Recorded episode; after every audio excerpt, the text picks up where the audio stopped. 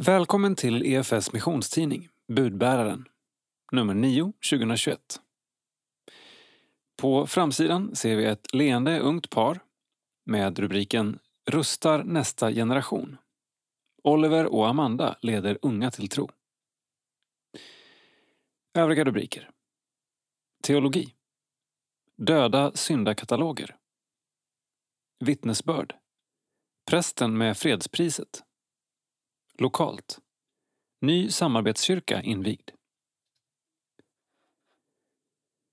Innehåll. Sida 4. SEA firar 20-årsjubileum. Sida 5. EFS-aren Per är idolaktuell. Sida 7. Krönika av Kerstin Oderhem. Citat. Hur många gånger har jag inte utmanats och sörjt över min egen rädsla? Slutcitat. Sida 8. Vittnesbörd. Stig-Åkes livsäventyr med Gud. Sida 12. Lokalt. Omdebatterat kyrkoval. Sida 14. CBG. Förvandlade liv och god gemenskap. Sida 18. EFS-praktikanterna Julia och Elisabeth berättar om sina första intryck från Tanzania. Sida 20. Oliver och Amanda Avadian ville vara förebilder för unga människor och visa på en tro som håller i vardagen. Sida 28. Den efterlängtade Tallhedskyrkan är invigd. Sida 34. Teologisk reflektion. Så överlever vi i en vanlig kyrka. Sida 36. Livet i döda syndakataloger. Teologi av Thomas Nygren. Sida 40. Kyrkohistoria. Ungdomsväckelsen inom EFS. Sida 44. Kultur.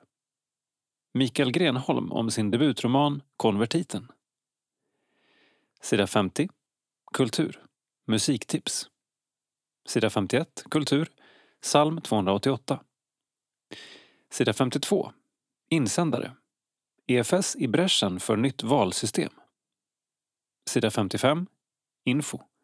Nytt och aktuellt inom EFS och SALT. Sida 58. Info. Efterlängtad mötesplats. Sida 60. EFS region Sydöstsverige. Sida 62. EFS region Mittnorrland. Sida 65. SALT. Investera även i det lilla. Krönika av Natalia Bencik. Sidan 3. Ledare. Livet efter corona. När detta skrivs har regeringen precis lyft de tidigare restriktionerna med anledning av pandemin och från och med den 29 september, den dag när detta skrivs, kan fullvaccinerade återgå till ett mer normalt liv. Borta är reglerna för deltagartak för allmänna sammankomster. Borta är begränsningarna i hur man får sitta tillsammans i sällskap. Borta är kraven på avstånd mellan personer och grupper.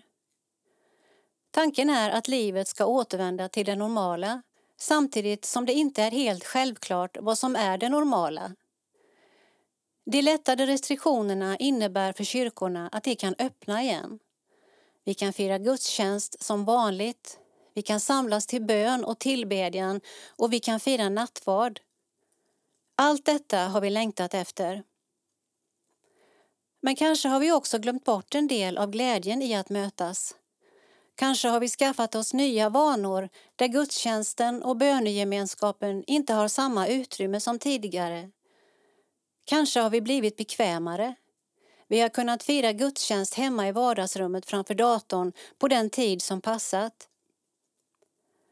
Visst finns möjligheter i det digitala som vi kan vara tacksamma för. I det avseendet kom pandemin i en fördelaktig tid. Om vi inte hade haft tillgång till digitala möten och gudstjänster via digitala medier hade livet varit ännu svårare och det finns förvisso fortsatta möjligheter i den världen. Troligen kommer en del av digitaliseringens möjligheter att kunna användas även fortsättningsvis. Och ändå, inget går upp mot det fysiska mötet. Det är i mötet vi kan se varandra i ögonen, möta varandras blick, förmedla det ordlösa. Det är ingen tillfällighet att det personliga mötet är grundläggande både för gemenskap och för växt.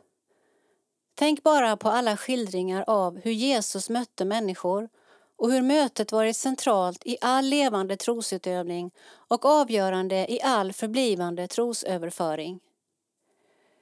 De som vet påstår att corona kommer att finnas kvar länge än. Ändå kan vi möta framtiden med förväntan. Det finns ett liv efter corona och det livet kan vi se fram emot med glädje och hopp. Lars-Olof Eriksson, ordförande EFS. Sida 4. Kortnytt. Yonggi Cho har avlidit. Grundaren till en av världens största kyrkor gick bort den 14 september. Yonggi Cho blev 85 år gammal och dog efter att ha drabbats av en hjärnblödning. Cho grundade Yoido Full Gospel Church i Seoul som kom att bli en av världens största församlingar. Han startade sin kyrka med fem tillbedjare år 1958. En tid då Sydkorea återhämtade sig efter det förödande Koreakriget 1950 till 1953. Därefter växte Yoido Full Gospel Church så att knakade och 1993 slog de rekord som världens största församling med över 700 000 medlemmar, enligt Guinness rekordbok. Yonggi Cho har skrivit många böcker, flera av dem översatta till svenska. I Räkna med tillväxt skriver evangelisten och pastorn om hur bön är en av grundstenarna till församlingstillväxt. Hallå där, Olof Edsinger, generalsekreterare för Svenska Evangeliska Alliansen som nyligen firade 20-årsjubileum. Hur firade ni? SCAs förre generalsekreterare Stefan Gustafsson gav en tillbakablick och jag höll i en förkunnelse om Jesu kors. Vi hade även en bokrelease för en nyutgåva av John Stotts bok Korset. Vad är det viktigaste SCA har gjort? Vi har tre huvuduppdrag. Att vara en röst i den offentliga debatten, att ta fram resurser kring strategiska frågor samt att fungera som en mötesplats på evangelikal grund. SCA har bidragit mycket inom dessa områden och med tiden har vi även blivit en etablerad tankesmedja. Det senaste året har vi fått artiklar publicerade i Sveriges fyra största dagstidningar. Vad är visionen framåt? Jag tror att SCA har betytt mycket, både genom att vara en offentlig röst och genom att uppmuntra de gräsrötter som upplever att de frågor de våndas över inte får tillräckligt utrymme i kristenheten i stort.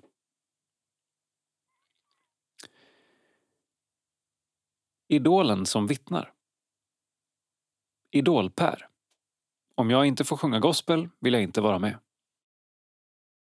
EFS-aren Per Lindberg från Sörbykyrkan i Örebro tog Idoljuryn med storm när han sjöng Kirk Franklins My life is in your hands. Nu fortsätter han briljera med sin soulröst med målet att beröra människor på djupet. Det är viktigare för mig att min musik är autentisk och betyder något. När journalister började höra av sig blev jag obekväm och insåg att jag inte är intresserad av offentlighet och publicitet. Jag vill att folk ska lyssna på det jag sjunger. Gud har gett mig gåvan att sjunga och då vill jag förvalta mitt pund, säger han. Något annat Per vill förvalta är sitt personliga vittnesbörd. I Idolgänget har han tack vare sin öppenhet om tron på Jesus fått möjlighet att evangelisera. Till skillnad från mitt yrke som läkare är jag med i Idol i egenskap av privatperson och eftersom tron är en så naturlig del av mig blir det också naturligt att berätta om vad Gud betyder för mig. I skrivande stund är Per en av tolv finalister i Idol. En längre intervju finns på budbararen.nu. Sidan 7. Krönika. Förändrad tillvaro. Om vi stannar och blickar tillbaka kan vi se att svårigheter och utmaningar troligtvis är det som format oss mest, skriver Kerstin Oderhem. Hösten innehåller både färgprakt och avklädande. Träden sprakar i gyllengult och orangerött för att sedan tappa sina löv och kvar blir det gråbruna grenverket. Jag sitter i min fåtölj och tittar ut genom fönstret och det strilande höstregnet. Tankarna vandrar fram och tillbaka över våra liv och dess olika sidor, dess höst och vår. Jag funderar över vår förväntan och längtan efter att allt ska flyta på och vara bra, på hur högt vi i vår kultur värderar lycka och på något sätt förväntar oss att normaltillståndet är att allt är bra. Men verkligheten är att allt inte är bra och livet gör många gånger ont. Normaltillståndet är att vi möter besvikelser och sorger, vi sårar och såras, vi älskar och gör förluster. I Nya testamentet talar författarna om svårigheter och lidande som mer regel än undantag och då handlar det om att lida för sin tro. Det handlar om att bli missförstådd och hånad och kanske dödad. I samma andetag säger Jesus Känn ingen oro, var inte rädd. Hur många gånger har jag inte utmanats och sörjt över min egen rädsla för det som hör till att vara människa, för trassliga relationer, för sjukdom och död, men också för det som har med trons frågor att göra. Till exempel att samtal ska urarta och att missförståndets skyttegravar ska grävas djupa, för näthat och avståndstagande. Om vi stannar upp och ser tillbaka kan vi se att svårigheter och utmaningar, både vad gäller livet och tron, troligtvis är det som format oss mest. Det har gett oss de viktigaste erfarenheterna och är det som fört oss närmare Jesus och fått vår tro att djupna. Vi skulle behöva en förändrad syn på tillvaron som innebär att mesta möjliga lycka inte är målet utan att leva mitt i det som sker och göra det så sant som vi bara kan. Att våga möta både smärtan och glädjen och se att livet rymmer både sorg och tröst. Jag tänker på berättelsen i Lukas evangeliet om Emmausvandrarna Två personer med sorg i hjärtat var på väg till byn Emmaus. När de gick där och pratade med varandra om det som hänt kom Jesus och slog följe med dem och han lyssnade på dem. Jesus undervisade dem sedan om hur saker och ting hörde samman och berättelsen avslutas med att de såg att det var han. Jag har inga svar på hur vi gör för att förändra vår syn på livet. Men när stormarna kommer och höstrusket drar in behöver vi slå följe på vägen med varandra. Kanske får vi också se att Jesus går bredvid oss och undervisar och fördjupar så att vi får syn på att han är med i det som sker. Fanny Crosby skrev 1875 Hela vägen går han med mig, är på branterna mitt stöd, ger mig nåd för varje prövning, styrker mig med livets bröd. Kerstin Oderhem, missionsföreståndare, EFS. Sidan 8. Vittnesbörd. Stig-Åke flyger med Gud. Han har varit nära döden flera gånger Ändå räds han den inte. I hela sitt äventyrliga liv har Stig-Åke Lindgren litat på att Gud bär och leder honom. Text och bild Jakob Arvidsson. Jag möter Stig-Åke en vacker sommardag hemma vid huset på Teg i Umeå. Att försöka sig på en summering av hans liv är utmanande då han har varit med om så mycket i sina roller som präst, missionär, pilot och affärsman. Men genom sitt livsäventyr har han haft en nära gudsrelation att luta sig emot. På uteplatsen står en egentillverkad avståndsvisare som pekar ut riktning och avstånd till flera kända resmål. Gud, noll meter, står det på en av pilarna. Jag hade aldrig klarat mig utan Gud. Vi flyger tillsammans i livet. Jag har någon som är starkare, större och klokare än jag vid min sida och jag får lämna över allt till honom. För mig är det en enorm trygghet, precis som vi sjunger i salmen Tryggare kan ingen vara, säger han. Som 14-åring miste han sin pappa Alvar. Pappan som själv var biträdande predikant hade hunnit så ett frö i Stig-Åke att han skulle läsa teologi och så blev det också till slut. Första prästtjänsten hade han i Nyåker. Därefter följde en missionärsutbildning via EFS. Hans första missionärsuppdrag, utsänd av Lutherhjälpen EFS, var i södra Sudan år 1982 till 1983 och det höll på att bli det sista han gjorde i livet. Det var ett rent pionjärjobb där jag bodde i en hydda och levde på frukterna från ett mangoträd. Det var väldigt oroligt där och när inbördeskriget närmade sig var jag tvungen att fly, minns Stig-Åke, som här var med om en ytterst kritisk situation.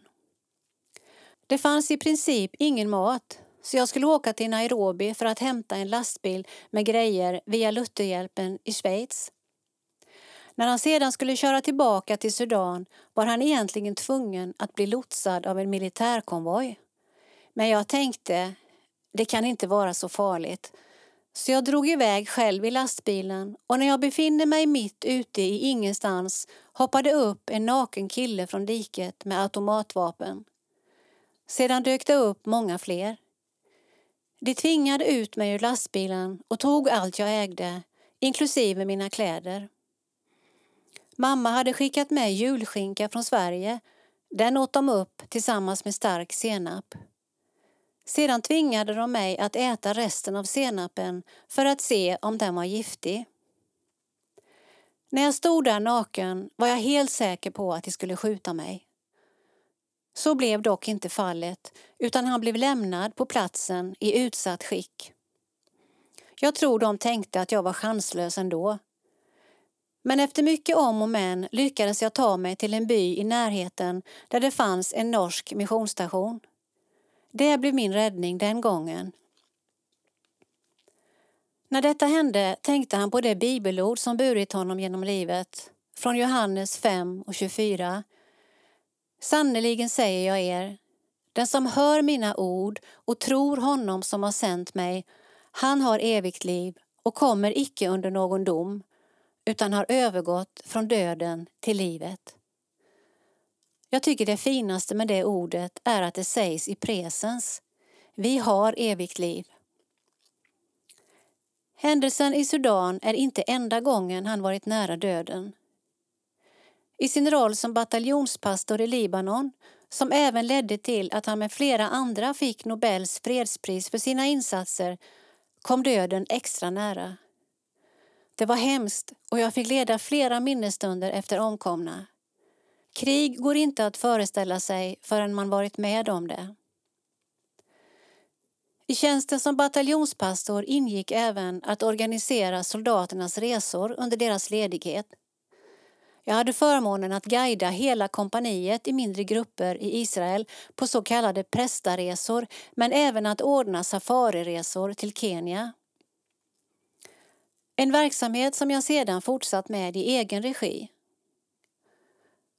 Under vår träff visade det sig att han även ställer en hel del frågor till mig om hur jag har det i mitt liv och det visar sig vara en uttalad filosofi. Jag försöker se varje möte som ett unikt tillfälle. Framförallt i min ålder är det viktigt att tänka så, för jag kanske aldrig får träffa personen igen. Jag försöker alltid vara positiv och lyssna in mina medmänniskors situation och i bästa fall ta bort några stenar ur deras ryggsäckar. På andra sidan Umeälven finns hans andliga hem i EFS, Vasakyrkan. Det har varit en utmanande tid för oss, precis som för alla. Vi har flera i föreningen som lever ensamma och jag har ett särskilt hjärta för dem. Jag åker gärna och besöker dem. Bara min närvaro räcker. Jag behöver ofta inte göra något mer än så. Nu efter pandemin drömmer han om liv och rörelse i kyrkan igen inte minst bland ungdomar. Min tro är det bästa jag har och jag tror fler kristna håller med mig. Budskapet om Jesus är fortfarande lika fantastiskt och människor behöver få höra evangeliet ännu mer i dagens samhälle. Innan jag dör drömmer jag om att få se en ungdomsväckelse i Sverige. Stig-Åke Lindgren.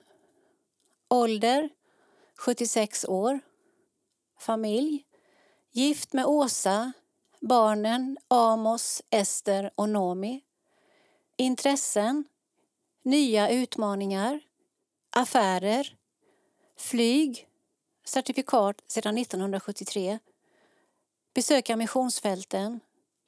Äventyr. Kuriosa. Varit i 156 av totalt 193 länder. Planera nu en jorden runt-resa under fyra veckor för cirka 140 deltagare med egenchartrat flygplan. Målet är att besöka världens sju nya underverk. Sida 12. Kyrkoval. Omdebatterat valsystem. Kyrkovalet 2021 väckte många känslor inför valdagen men valdeltagandet sjönk något jämfört med rekordvalet 2017. Text Jakob Arvidsson. Bild Magnus Aronsson, ikon. Partipolitikens vara eller icke vara inom kyrkopolitiken har länge varit omdebatterat. Så även inför detta val när tonen i debatten stundtals blev vass. Ärkebiskopen Antje Jackelén vände sig till exempel emot nuvarande system när hon sa till tidningen Dagen Principiellt sett är systemet med nomineringsgrupper som är kopplade till politiska partier en anakronism. Och fortsatte. Det är något som har sin förklaring i en annan tid. Vi är inte en statskyrka längre. Skulle vi börja om från scratch skulle vi aldrig ha den här kopplingen till de politiska partierna. Av det preliminära valresultatet kan konstateras att samtliga nomineringsgrupper som är kopplade till politiska partier minskade. Socialdemokraterna, som förvisso är störst fortfarande, minskade från 30,34 procent 2017 till 27,58 procent 2021 och tappade därmed sex mandat. Centerpartiet gick från 13,69 procent till 11,10 och tappade tre mandat. Sverigedemokraterna föll från 9,27 procent till 7,80 och tappade fem mandat. Å andra sidan gjorde Alternativ för Sverige, som inte fanns med 2017, entré med 1,24 procent och tre mandat. Noterbart i övrigt är att vänstern i Svenska kyrkan, VISK, ökade kraftigt från 3,75 procent till 7,32 procent vilket dubblade deras mandat från 9 till 18. Partipolitiskt obundna i Svenska kyrkan, POSK, som är den största nomineringsgruppen utan koppling till ett politiskt parti, gjorde ett starkt val när de ökade från 17,06 procent till 19,46 procent. Det ger gruppen 48 mandat i kyrkomötet. Totalt angavs 854 375 röster, vilket är bara 17,44 procent av de drygt 5 miljoner som är röstberättigade. Det var en minskning med 1,64 procent sett till rekordvalet 2017. Flest röster i kyrkomötet. Socialdemokraterna 27,58 procent, 70 mandat. Partipolitiskt obundna i Svenska kyrkan 19,46 procent, 48 mandat. Centerpartiet 11,10 procent, 31 mandat. Borgerligt alternativ 8,04 procent, 19 mandat. Sverigedemokraterna 7,80 procent, 19 mandat. Vänstern i Svenska kyrkan 7,32 procent, 18 mandat. Öppen kyrka 5,45 procent, 13 mandat. Sidan 14. CBJ för förvandlade liv. Den 25 september samlades föreningar och personer över hela landet för att se, be och ge till EFS mission. Årets tema Förvandlad av Jesus genomsyrade sändningen. Text Josefin Norstedt, bild Magdalena Vogt. En av gästerna var Zishan Johannes Haidri som 2015 kom till Sverige som ensamkommande flykting från Afghanistan, endast 15 år gammal. Zishan beskrev flykten till Sverige som fruktansvärd och berättade hur han riskerade att möta döden varje sekund. Han visste aldrig om han skulle klara det och berättade att han behövde gå 15 till 20 timmar över berg, hade brist på mat och vatten och riskerade att drunkna på Medelhavet. Jag har sett så mycket våld och hemska saker i mitt liv. Det gjorde att jag inte mådde så bra när jag kom till Sverige, sa Sishan. Väl i Sverige blev han placerad hos sina svenska föräldrar som han själv uttrycker det. Eftersom paret är engagerade i EFS-föreningen i Sunne och mamman dessutom är ordförande började Sishan följa med på gudstjänster. Idag är Sishan själv kristen och medlem i EFS-föreningen. Han berättade att EFS och Svenska kyrkan gav honom mycket stöd när han inte mådde bra och hjälpte honom finna Jesus. Tron på Jesus har gjort att jag mår så bra idag. Jag har hittat hopp i mitt liv och jag ser ljuset framför mig. Jag vet att Jesus bär mig hela tiden i sin hand när jag mår dåligt. Han kommer aldrig att lämna mig ensam, sa Sishan med ett stort leende. Nästa gäst i studion var Kerstin Oderhem, missionsföreståndare för EFS, som var märkbart berörd av Sishans vittnesbörd. Om du sitter i ett sammanhang och tänker jag har inte sett så mycket där jag är. Gläd dig åt den här berättelsen om Sunne eller det du läser i budbäraren och att det sker på andra platser. Och be och längta efter att det ska hända på den platsen där du själv är, sa Kerstin och fortsatte. I EFS står vi tillsammans i det stora missionsuppdraget, både långt borta och här hemma. Tillsammans kan vi inspirera, utbilda och utrusta och för det behöver vi finanser. När vi har mer pengar kan vi göra mer saker. En av många föreningar som anordnade en visning av CBJ var EFS i Kristianstad där 26 personer samlades i ett stort växthus i en av medlemmarnas trädgård.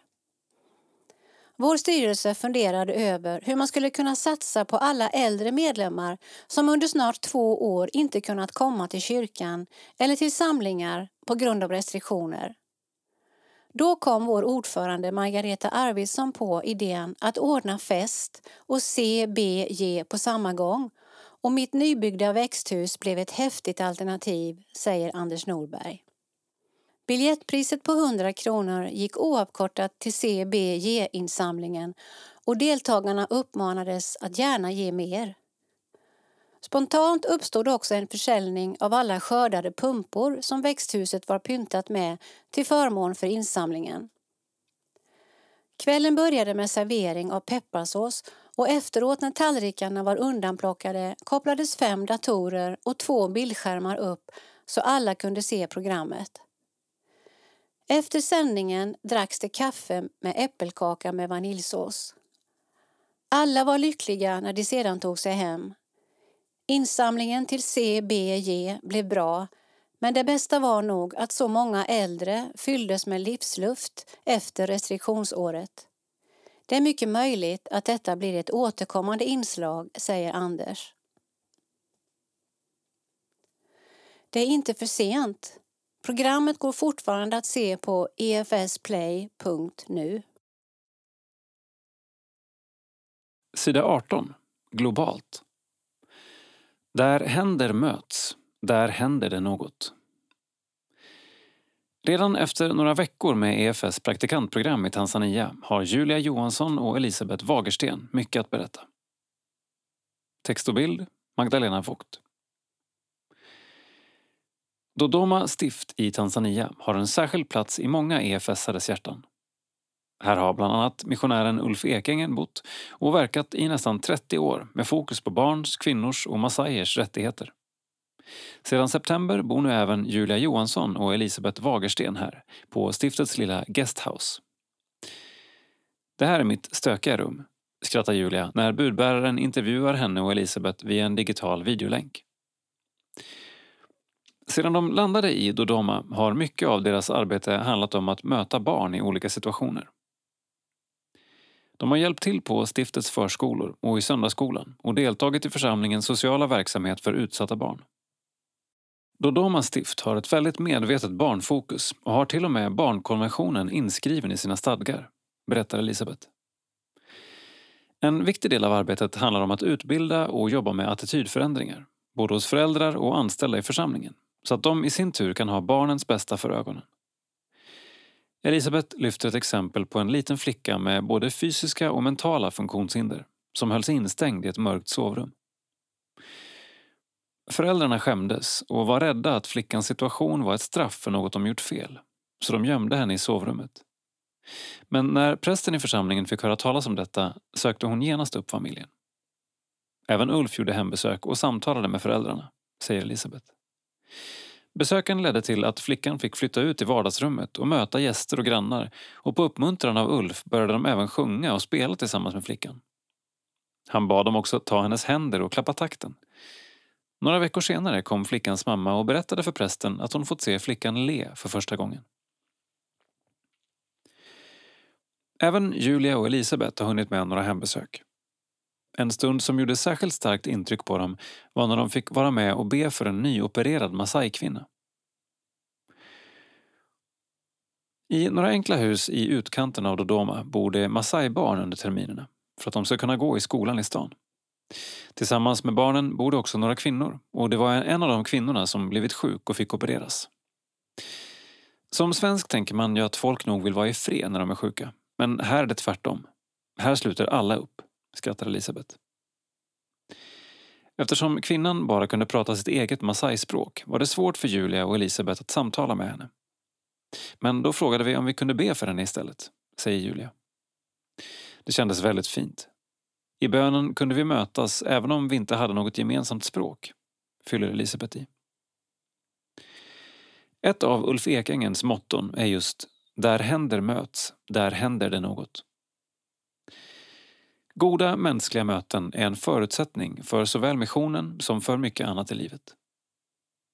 I samtalet med Julia och Elisabeth är det också tydligt att det är just de berättelserna de lyfter.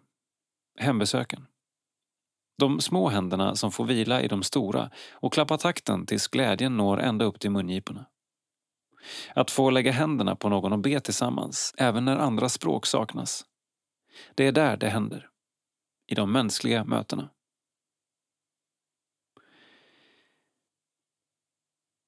Mission med Ulf Ekängen. Med start nu i oktober släpper EFS en unik filmserie i sex delar på EFS Play där Ulf Ekängen förmedlar kunskap och erfarenheter från missionsarbetet i Dodoma.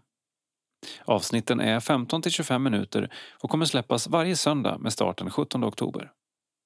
Till programmet finns också ett samtalsmaterial.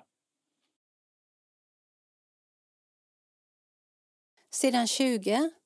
Porträtt. Kallade att rusta. Kristna förebilder visade vägen till tro för Amanda och Oliver.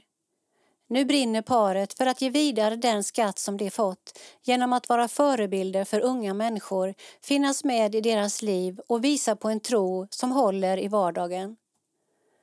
Text Jakob Arvidsson. Bild Magdalena Vogt. Amanda Vadian är uppväxt alldeles i närheten av Lötenkyrkan i Uppsala. Men att hon skulle hitta hem där, säga ja till Jesus där och sedan inta en ledarposition i SALT var långt ifrån självklart. Jag kommer inte från något kristet hem. Men min familj älskar traditioner så jag är barndöpt och blev sedan mer eller mindre tvingad av mamma att konfirmera mig, säger hon med ett leende. Amanda minns gärna tillbaka till den tiden då det var då som de första fröna för en helt ny livsinriktning såddes. Vi hade så bra ledare. De var väldigt roliga men tog oss samtidigt på allvar och delade med sig av sina liv för oss. Jämfört med skolan kände jag en tydlig skillnad på hur de vuxna brydde sig om oss. Efter konfirmationen blev hon kvar i Lötenkyrkans verksamhet som är en samarbetskyrka mellan EFS och Svenska kyrkan. Jag kunde egentligen ingenting men fick ändå vara med och hjälpa till. Jag fick till exempel hjälpa Hans Lindholm, dåvarande prästen, att duka nattvardsbordet på veckomässor. Det blev sällan helt rakt eller perfekt men det fina var att ingen gick dit och rättade till det utan de litade på mig. Allt eftersom blev uppgifterna fler i rask takt. Hon började hjälpa till i söndagsskolan, blev ledare i miniorgruppen och hjälpte även till med konfirmationsarbetet. Det kan låta som att allt bara flöt på, men på insidan fanns en konflikt. Att komma hem och inte kunna dela min tro var inte helt lätt. Även om familjen alltid stöttat mig, älskat mig och försökt förstå så velade jag lite fram och tillbaka kring det här med kyrkan och min tro. Konfirmationsåret avslutades med att hon åkte på Salts nyårsläger Livskraft som hölls i Lötenkyrkan. På självaste nyårsafton stod hon längst bak i kyrkan iklädd sin nyköpta klänning. En man hade precis hållit ett vittnesbörd om sin fru som hade vilat i sin tro på Jesus ända in i döden. Jag kände att jag behövde ta ett beslut och mannen hjälpte mig inse att man kunde vara kristen ett helt liv. Det var då jag tog Jesus i handen och vi började gå tillsammans. När jag tog beslutet kunde jag inte sluta gråta. Den helige Ande berörde mig, men det förstod jag inte då. Det blir väldigt överväldigande för mig, säger hon och fortsätter. När jag senare har tvivlat på min tro har jag fått komma tillbaka till den kvällen. Beslutet att följa Jesus har påverkat hela mitt liv. Så småningom väntade bibelskola i Stockholm och därefter blev Amanda inspiratör för Credo. Hon hann även med att jobba som barista och i matbutik innan vägen in som anställd i EFS Salt öppnades. Jag halkade in på ett vikariat som distriktskonsulent i EFS Mittsverige och fick då en plats i Salts ledningsgrupp.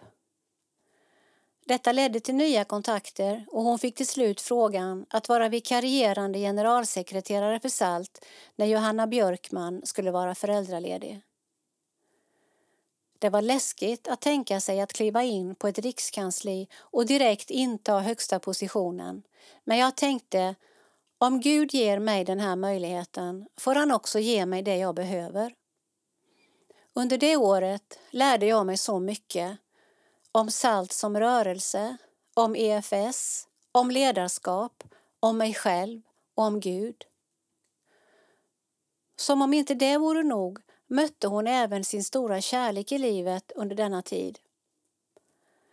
I Västerås och Bäckbykyrkan fanns nämligen Oliver Sjöström, numera Vardian, som nu sitter vid hennes sida under vår intervju. De kom i kontakt med varandra via jobbet.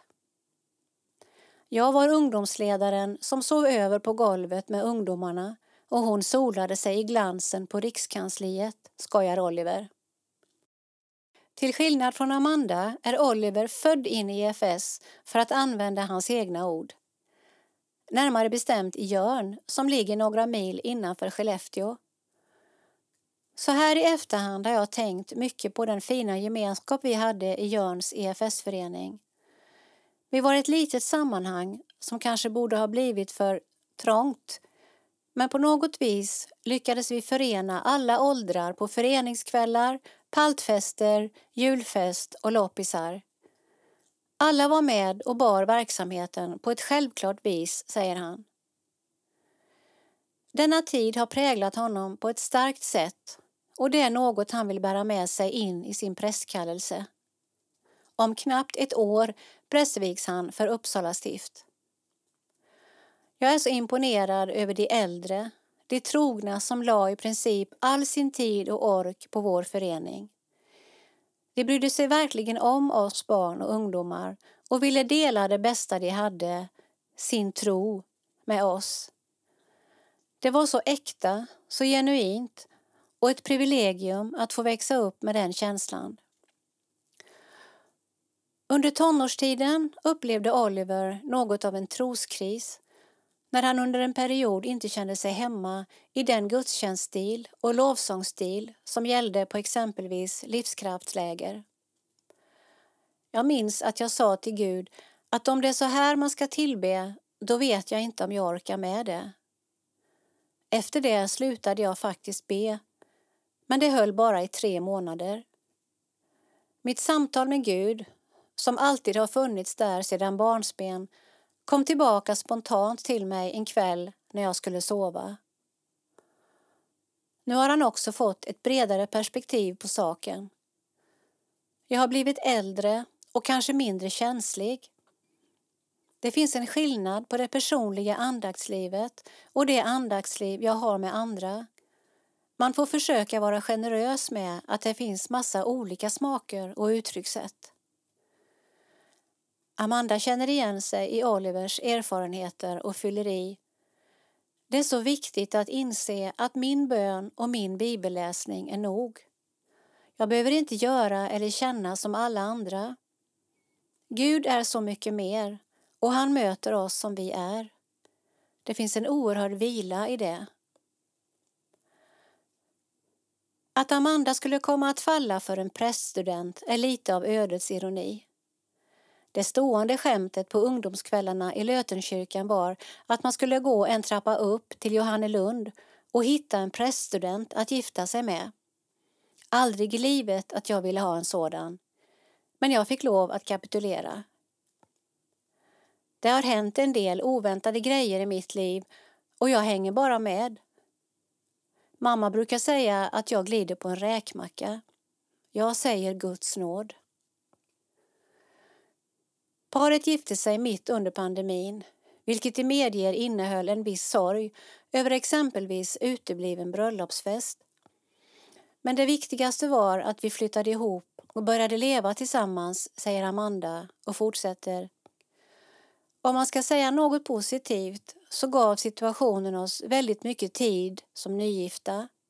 Vi var ju hemma typ jämt, men det finns å andra sidan ingen jag hellre hade velat sitta isolerad med än Oliver. En blå återvinningsbil kör förbi utanför fönstret på restaurangen där vi sitter, vilket påminner Amanda om sin pappa Kaleg som gick bort 2019. Pappa körde en sådan där bil i sitt jobb och jag ser dem ofta här i Uppsala. Jag tänker på honom väldigt ofta i vardagen. Hennes pappa var iranier och kock som älskar att laga mat, vilket Amanda har tagit efter. Det ska gärna vara lite kaos och överfullt med grejer i kylskåpet. Kommer det folk på middag så ska det alltid finnas mat i överflöd. Telefonsamtalet om hans bortgång fick hon en kväll på EFS medarbetardagar i Vann. Samtalet kom mitt under ett bibelföredrag på temat Faderns hjärta. Det blev väldigt starkt för mig och det har jag burit med mig. Min jordiska pappa finns inte kvar men jag har kvar min himmelska pappa. Det bär mig. Som par brinner de nu bland annat för att inspirera unga människor att komma vidare från att vara lägerkristen till att leva i vardagen med Jesus. För att nå dit själva har de varit mer eller mindre beroende av kristna förebilder och vill nu ge det vidare. Min spaning är att det som ungdomar behöver mest idag är det allmänmänskliga, troligen ännu mer efter pandemin. Det är så viktigt att våra barn och ungdomar blir sedda så de får känna att vuxna har omsorg om dem och vandrar tillsammans med dem i livet. Varje kristen har ett ansvar för det, inte bara ungdomsledaren, säger Amanda och fortsätter. Som äldre behöver du inte känna att du behöver ha koll på TikTok eller Youtube för att möta en ungdom. Du har så mycket att erbjuda ändå Berätta till exempel om din vandring med Gud. Det är världens guldgruva. Det faktum att Amanda sticker ut så pass mycket genom att komma helt utanför kyrkan till en ledarposition inom EFS SALT bör leda till självrannsakan. Och efter att ha gjort den resan själv har hon ett viktigt budskap. När jag var ny kunde jag känna mig rätt ensam och jag tycker att vi generellt är alldeles för dåliga på att öppna upp och se nya människor. Vi är hellre bekväma och hänger till exempel med det vi redan känner vid kyrkfikat. Det kan göra all skillnad att någon hejar på en. Och jag tycker verkligen att vi har råd att heja på nya människor. Resten av veckan kan vi ju hänga med det vi vill. Efter Olivers prästvigning kan paret planera sin framtid ännu mer. Adjunktsåret kommer att bli i Svenska kyrkan någonstans i Uppsala stift. Därefter skulle han gärna tjänstgöra i en samarbetskyrka. Jag ser så stor potential i samarbetskyrkotanken där Svenska kyrkans breda förtroende bland befolkningen får samspela med EFS fördjupning och lärjungaskap. Var vi än hamnar så vill vi få vara det vi pratar om. Förebilder för unga människor. Finnas med i deras liv och få visa på en tro som håller i vardagen. Oliver avslöjar också parets gemensamma framtidsdröm som ligger längre fram i tiden.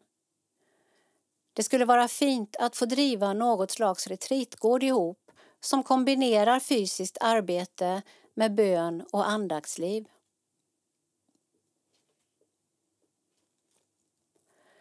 Amanda och Oliver Vardian. Ålder 30 år. Bor i Uppsala. Sysselsättning Amanda biträdande generalsekreterare på SALT. Oliver präststudent. Favoritbibelord Amanda Matteus 6, 25-34 Oliver Predikaren 5-19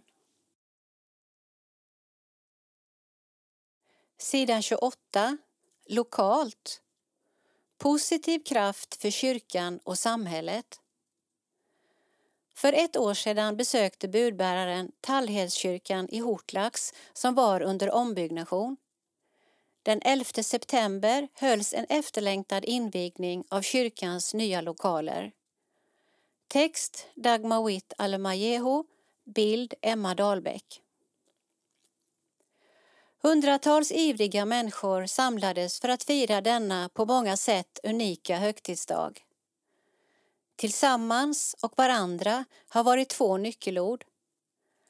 Allt detta har vi gjort tillsammans och för varandra, säger samarbetskyrkoprästen Anna Olsson. Det är många som har längtat länge för att kunna inviga kyrkan, förklarar Anna, som själv började sin tjänst i Hortlax i mars 2020. Därför kom det inte som en överraskning att folk rent av strömmade in i lokalen när dörrarna öppnades upp för församlingen för första gången. Schemat följde Svenska kyrkans ordning för kyrkoinvigning inne i den vackert nyrenoverade lokalen. Predikan Bor Gud i ett hus höll Anna i. Budskapet var inspirerat från Första Kungaboken kapitel 8, vers 27 29 och vidare till Apostlagärningarna kapitel 17, vers 24 31. Ett tema som fortsatt har konfronterat, uppmuntrat och talat till henne sedan budbärarens besök förra året. Besökarna bjöds även på blåsmusik och de oräkneliga barnen höll sig aktiva med fiskdamm och barnlopp anordnat av KRIK, Kristen idrottskontakt. På utegården bjöds det på grillkorv och tallhetsbakelser, en prinsesstårtbit bakad speciellt för dagen som sålde slut i ett nafs. Vi har nu en helt ny och fin kyrka men trots sin skönhet är den ju bara ett tomt skal utan sin församling. Den är en påminnelse om Guds helighet med sina symboler på korset mot byavägen. Men det är de heliga människorna som gör kyrkan helig. Jag tror att vi behöver de här fredade zonerna och laddstationerna även om poängen är att se Gud i varandra. Att låta Guds kärlek strömma över och mellan oss, säger Anna och fortsätter. Heliga människor som slår sig samman med sin längtan, sitt sökande och sin förhoppning om att det ska finnas något annat. något litet annat av den här verkligheten. Men i det här är det också viktigt att minnas att Guds hus, Guds församling, inte är en åsiktsgemenskap. Guds hus är där vi människor gör plats för honom och där vi ser varandra som heliga, oavsett åsikt eller tillhörighet. Anna som började tjänsten som samarbetskyrkopräst i Hortlags församling mitt under pandemin har knappt hunnit träffa församlingen på grund av restriktionerna. Drömmen hon bär på om en familjekyrka där olika generationer och bakgrunder möts visade sig så smått under invigningen. Vi välkomnade nio nya medlemmar. Bland dem fanns en man som rullades fram i rullstol, två barnfamiljer från området, en familj från södra Sverige, en pojke som var tio år gammal och en kvinna i 60-årsåldern. Hela kyrkofamiljen fanns representerad i alla åldrar och det var en stor glädje. Furulundsgården, som idag är Tallhedskyrkan, har en historia av att samla just hela familjen. Här har det tidigare varit barn och ungdomsverksamhet och ambitionen är att bevara det som så länge har förknippats med värme och trygghet.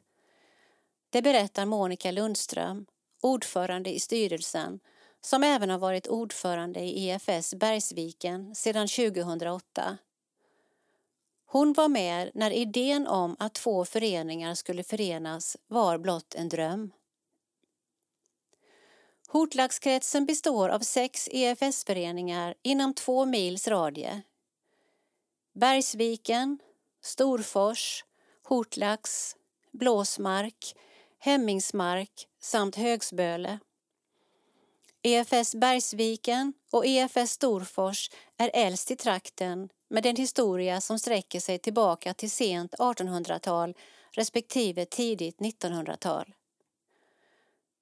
Trots att de två sistnämnda föreningarna låg nära varandra geografiskt hade de ändå olika kulturer, förklarar Monica, vilket delvis låg till grunden för att de valde att hålla föreningslivet separat. 2013 skedde dock en förändring. Idén om att slå samman EFS Bergsviken och EFS Storfors har fått mogna med tiden. Sedan 2013 har de två föreningarna haft gemensamma gudstjänster två gånger per termin. 2015 började samtliga EFS-föreningar i Hortlagskretsen fira gudstjänst tillsammans, Hortlagsmässan. År 2016 startade EFS Bergsviken och EFS Storfors en församlingsalfa. Sedan blev det naturligt att ta nästa steg.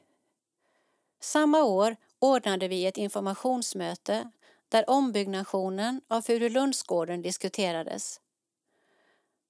När man tittar tillbaka så känns det som om detta har varit meningen hela tiden.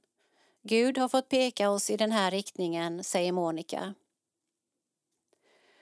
Någon som har fått se kyrkbygget ta form är biskop för Luleå stift, Hans Stiglund, som även närvarade under invigningen för att välkomna både nya och gamla medlemmar. Det är alltid unikt att inviga kyrkor. I vårt stift görs det inte så ofta. Innan Tallhedskyrkan har bara två kyrkor invigts under mina 15 år som biskop så det blir lite mer högtidligt när det väl sker, säger han. Att det inte har byggts nya kyrkor är rätt så naturligt, menar Hans, för fokus har legat på att bevara de befintliga kyrkorna. Först när samhällen växer och när folk bosätter sig i ett område där man inte har haft närhet till en kyrka blir det aktuellt att bygga nya kyrkor.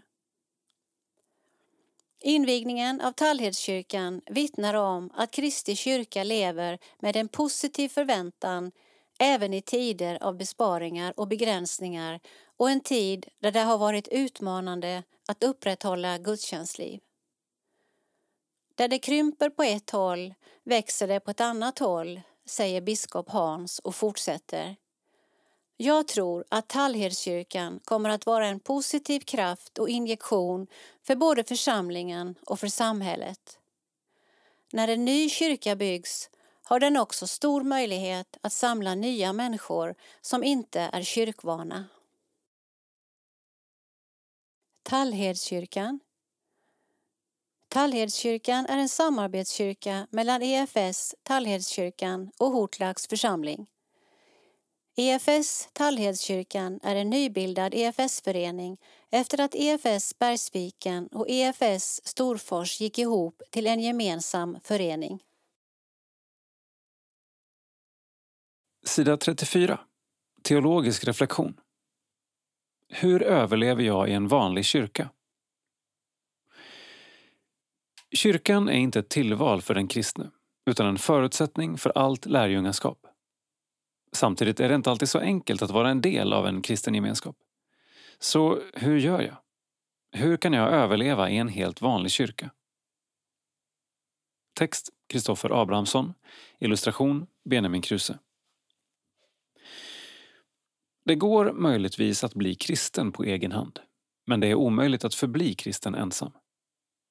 Den individuella synen på lärjungaskapet, där det enda viktiga är jag och Jesus, är ett synsätt som skiljer sig kraftigt från det vi möter i Bibeln.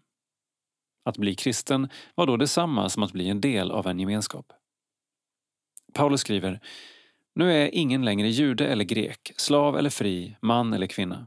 Alla är ni ett i Kristus Jesus.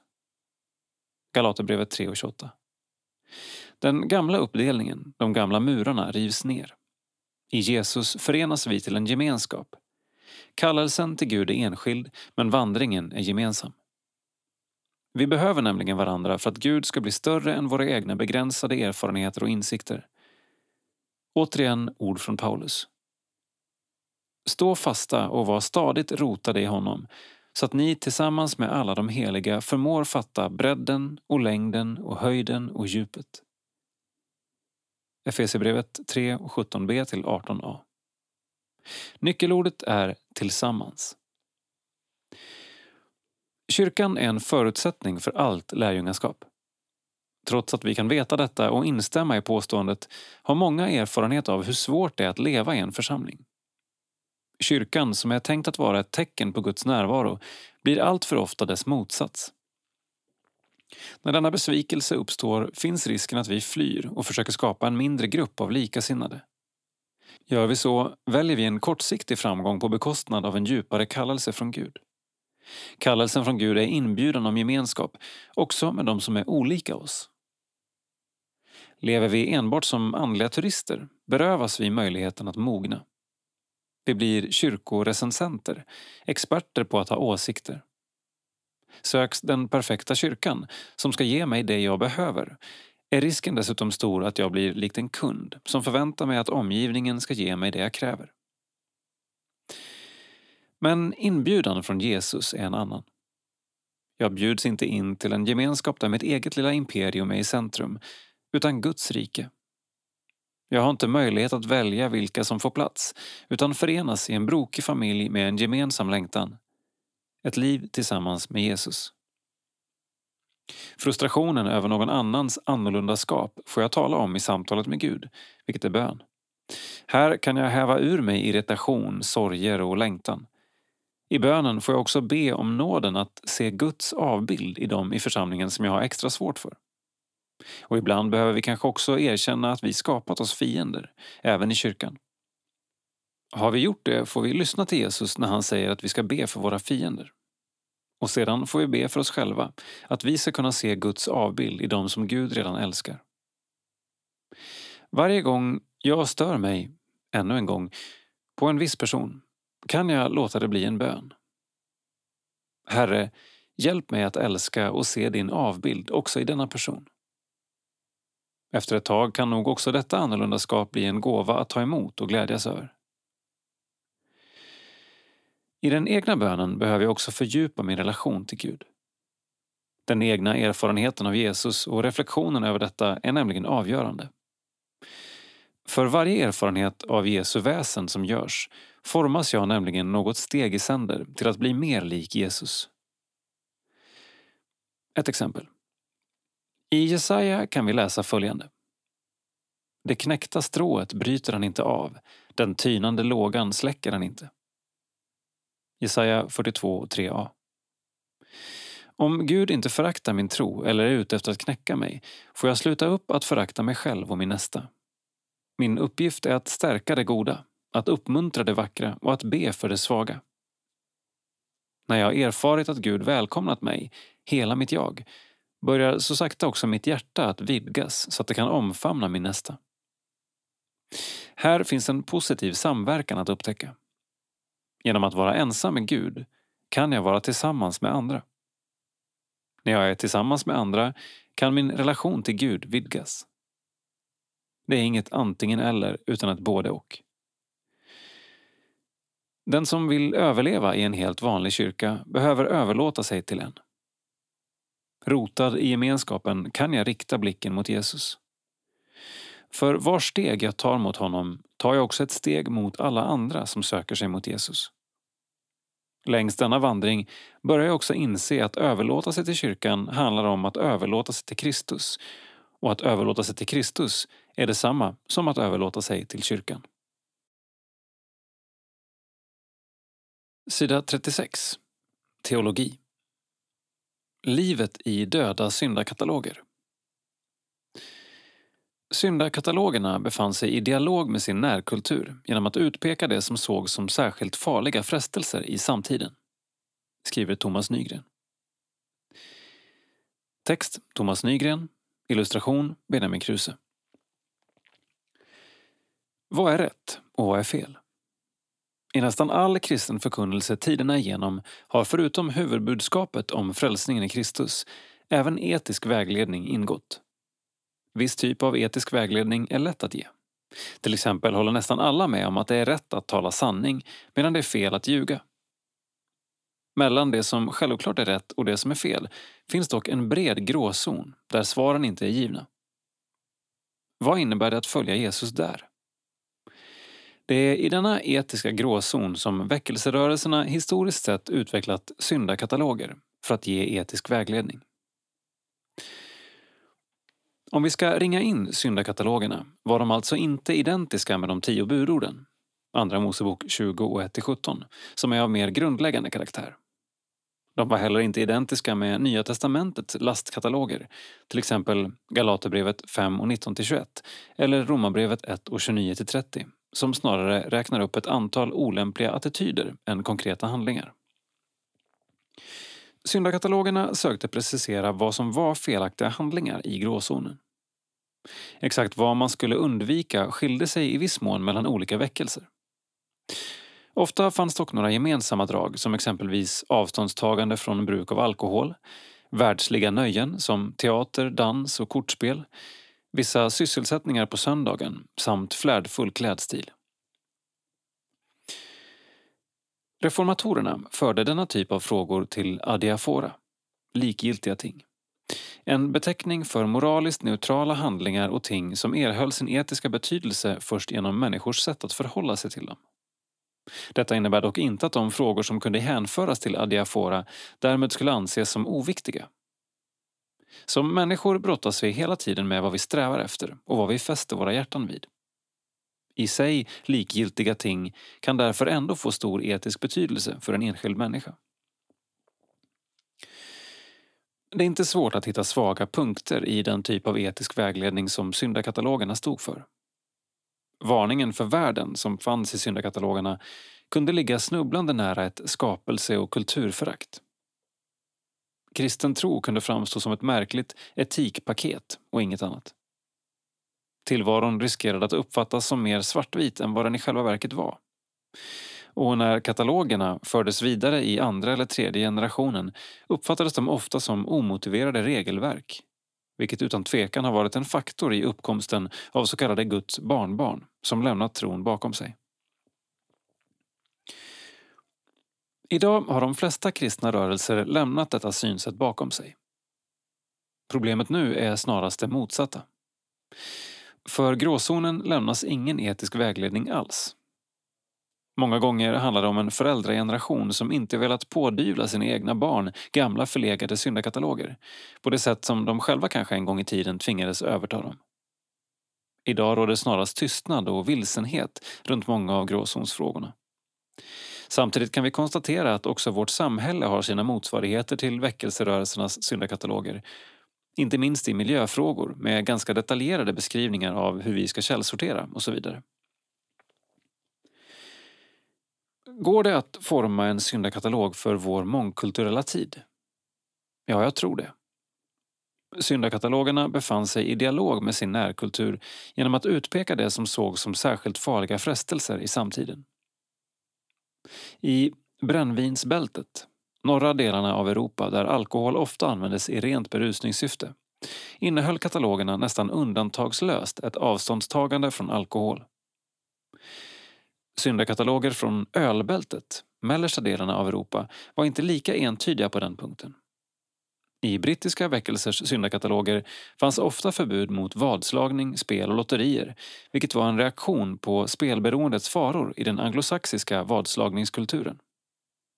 Dessa saker fanns dock inte lika tydligt med i nordiska syndakataloger. Kulturfaktorn är bakgrunden till att syndakataloger blir föråldrade. När kulturen förändrats har de konkreta gråzonsfrågorna blivit annorlunda och därmed de gamla vägledande svaren inaktuella. Dessutom går det att förstå varför inte livskraftiga nya syndakataloger uppstått i det ständigt skiftande mångkulturella landskap vi nu rör oss i. Syndakataloger kan liknas vid dialekter som fungerar bra medan allt är stabilt. Man förstår varandra därför att varje uttryck bär med sig gemensamma resonansbottnar. I ett mångkulturellt samhälle saknas dessa gemensamma resonansbottnar i stor utsträckning. Den utpräglade dialekten blir obegriplig och framstår mest som kuriös. På samma sätt framstår gamla syndakataloger som kuriösa i vår kultur. I syndakatalogerna fanns ett avståndstagande från den onda världen. Här fanns ibland en sammanblandning mellan världen som Guds skapelse och världen som beteckning för det som står Gud emot. Detta kunde leda till en destruktiv förnekelse av skapelsen. Samtidigt är det viktigt att se att i avståndstagandet från världen fanns en medvetenhet om att det en människa binder sitt hjärta till och förtröstar på i realiteten blir hennes avgud. I syndakatalogerna fanns därför en omsorg om den enskilda människan, i första hand hennes gudsrelation, men även hennes egen person och kropp. En annan framträdande aspekt av olika traditioners syndakataloger var omsorgen om medmänniskan. Lars Levi Lestadius motiverade avståndstagandet från utsmyckningar med solidariteten med de nödställda. Så länge min granne svälter ska vi inte ha gardiner. Omsorgen handlade också om att inte väcka anstöt eller bli sin broder eller syster till fall. En tredje aspekt av syndakatalogernas innehåll fanns i pietismens iver att sprida budskapet.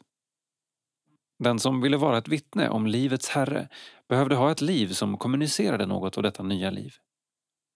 Syndakatalogerna fyllde här en funktion genom att försöka visa vägen till ett trovärdigt kristet liv. Dessa tre motiv bakom syndakatalogerna, omsorgen om den enskilde, omsorgen om medmänniskan och omsorgen om det trovärdiga vittnesbördet kan också återfinnas i Nya testamentets etiska resonemang. De går även att överföra till en modell för gråzonsfrågorna som fungerar i dagens mångfaldskultur. Jag föreslår därför att de gamla syndakatalogerna får vila i frid men att deras grundläggande angelägenheter får leva vidare genom tre frågor. Fördelarna med frågor är att de är möjliga att ta med sig in i vilken kulturell situation som helst samt att de hela tiden hjälper en kristen att finna motiv för sina handlingar. Vi får bära med oss följande tre frågor som får avgränsa vårt handlande. 1. Skadar detta mig? 2. Skadar detta mina medmänniskor? 3. Skadar detta mitt vittnesbörd? Om svaret på någon av frågorna i ett konkret fall blir ja, är det antagligen något vi bör undvika att göra. I syndakatalogernas efterföljd blir de vägledande frågorna något som avgränsar från det felaktiga. En vägledning bör dock inte endast avgränsa utan också positivt bejaka och främja goda handlingar. Här föreslår jag att man som komplement till frågorna för in luthersk kallelselära Att jag i mitt vardagsliv är satt att söka tjäna mina medmänniskor.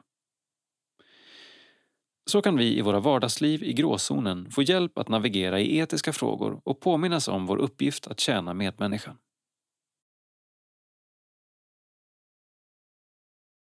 Sidan 40. Kyrkohistoria. Ungdomens årtionde för EFS. 1900-talet. Text Lars-Olof Eriksson. Bild EFS arkiv. Ungdomsväckelsen inom EFS i början av 1900-talet kom på många håll att förnya rörelsen och innebar att en ny generation tog över efter den första. Två avgörande händelser berättigar rubriken Ungdomens årtionde. De ungas tidning, DUT, ger ut sitt första nummer i januari 1900 och De ungas förbund, DUF, bildas år 1902. På många sätt kom dessa två händelser att spela en avgörande roll för EFS och dess framtida utveckling under förra delen av hela 1900-talet. Redan från start betydde tidningsutgivning och förlagsverksamhet mycket inom EFS. Därför var det inget konstigt i sig att man satsade på en tidning. Formellt ersatte De ungas tidning den tidigare Barnens tidning men den hade en delvis annan inriktning genom att vända sig till äldre barn, ungdomar. Tidningen utkom var fjortonde dag. Redaktörer var Efraim Rang och Sigrid Storkenfeldt. Bakgrunden till de ungas förbund var i huvudsak den ungdomsväckelse som hade utbrutit på olika platser i landet kring sekelskiftet 1900.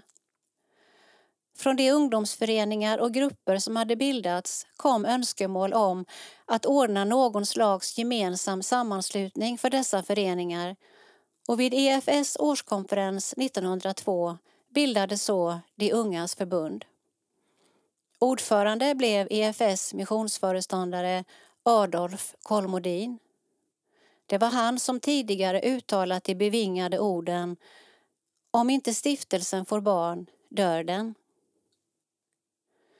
Ungdomsväckelsen inom EFS förnyade rörelsen och innebar inte minst att intresset för den internationella missionen fördjupades och redan från början åtog sig DUF ansvaret för egna missionärer.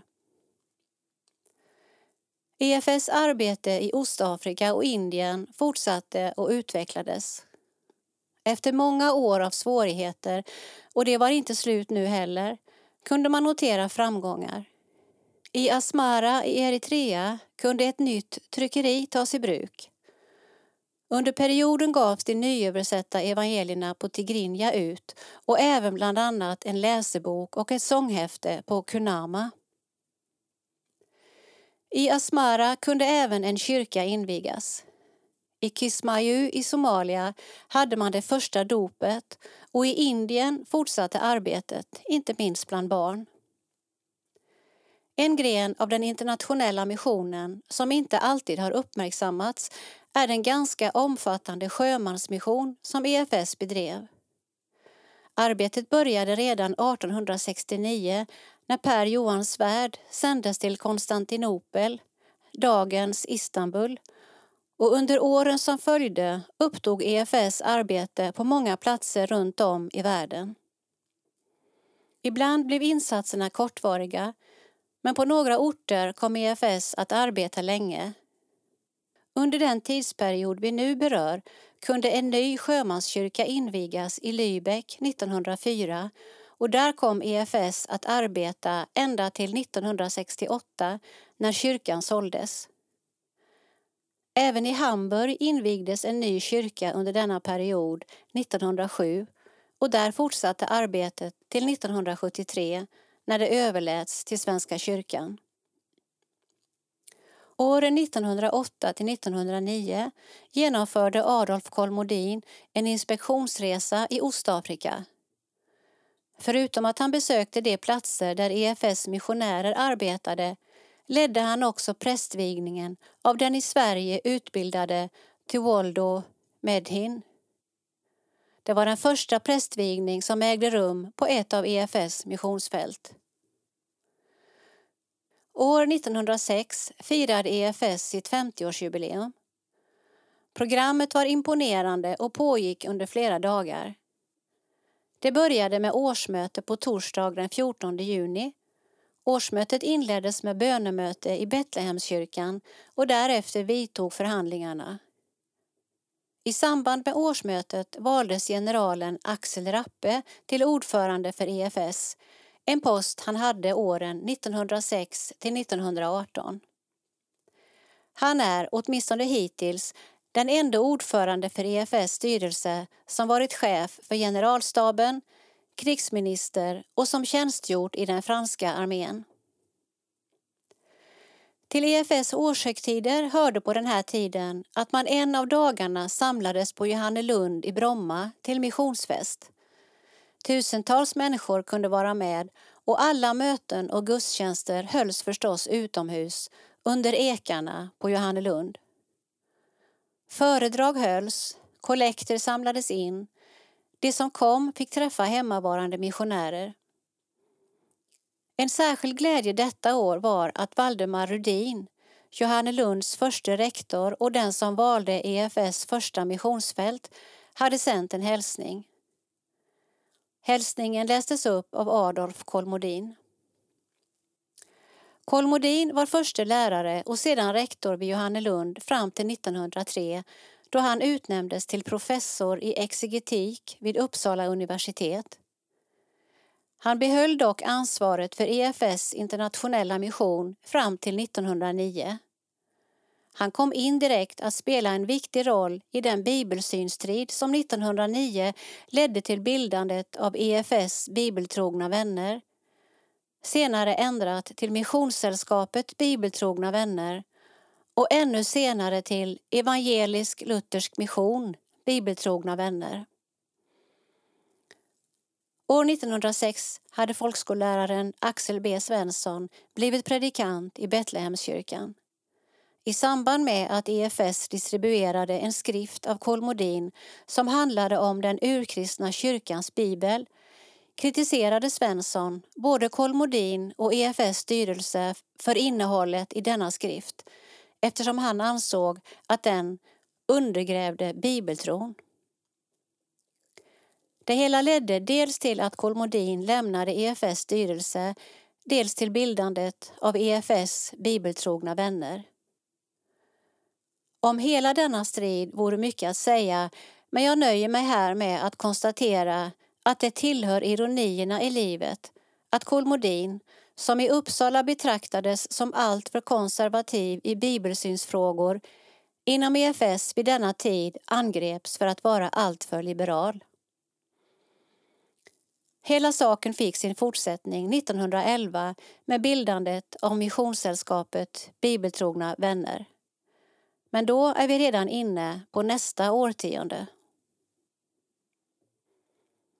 Kommentar Gud kallar trofasta nya generationer för nya tider. Två saker slår mig ofta vid dessa tillbakablickar. Att ta över från första generationens visionärer kan inte ha varit lätt. Balansen mellan att förvalta det goda och ändå vara visionär för sin tid kräver vishet och mod. Det kan inte heller ha varit lätt att våga släppa taget till en ny generation. Även det kräver mod. Mod att välja att tro att nästa generation är redo att tjäna Herren för den tid som är nu med det goda DNA i ryggen. Utmaningen är densamma i alla tider, att släppa taget och att våga gå. Alltid i Guds kraft. Johanna Björkman, före detta generalsekreterare SALT. Med artikeln följer några bilder. En bild visar en stor samling finklädda människor utomhus. Några står och några sitter i gräset med bildtexten Frukostrast vid årskonferensen på Johannelund 1910.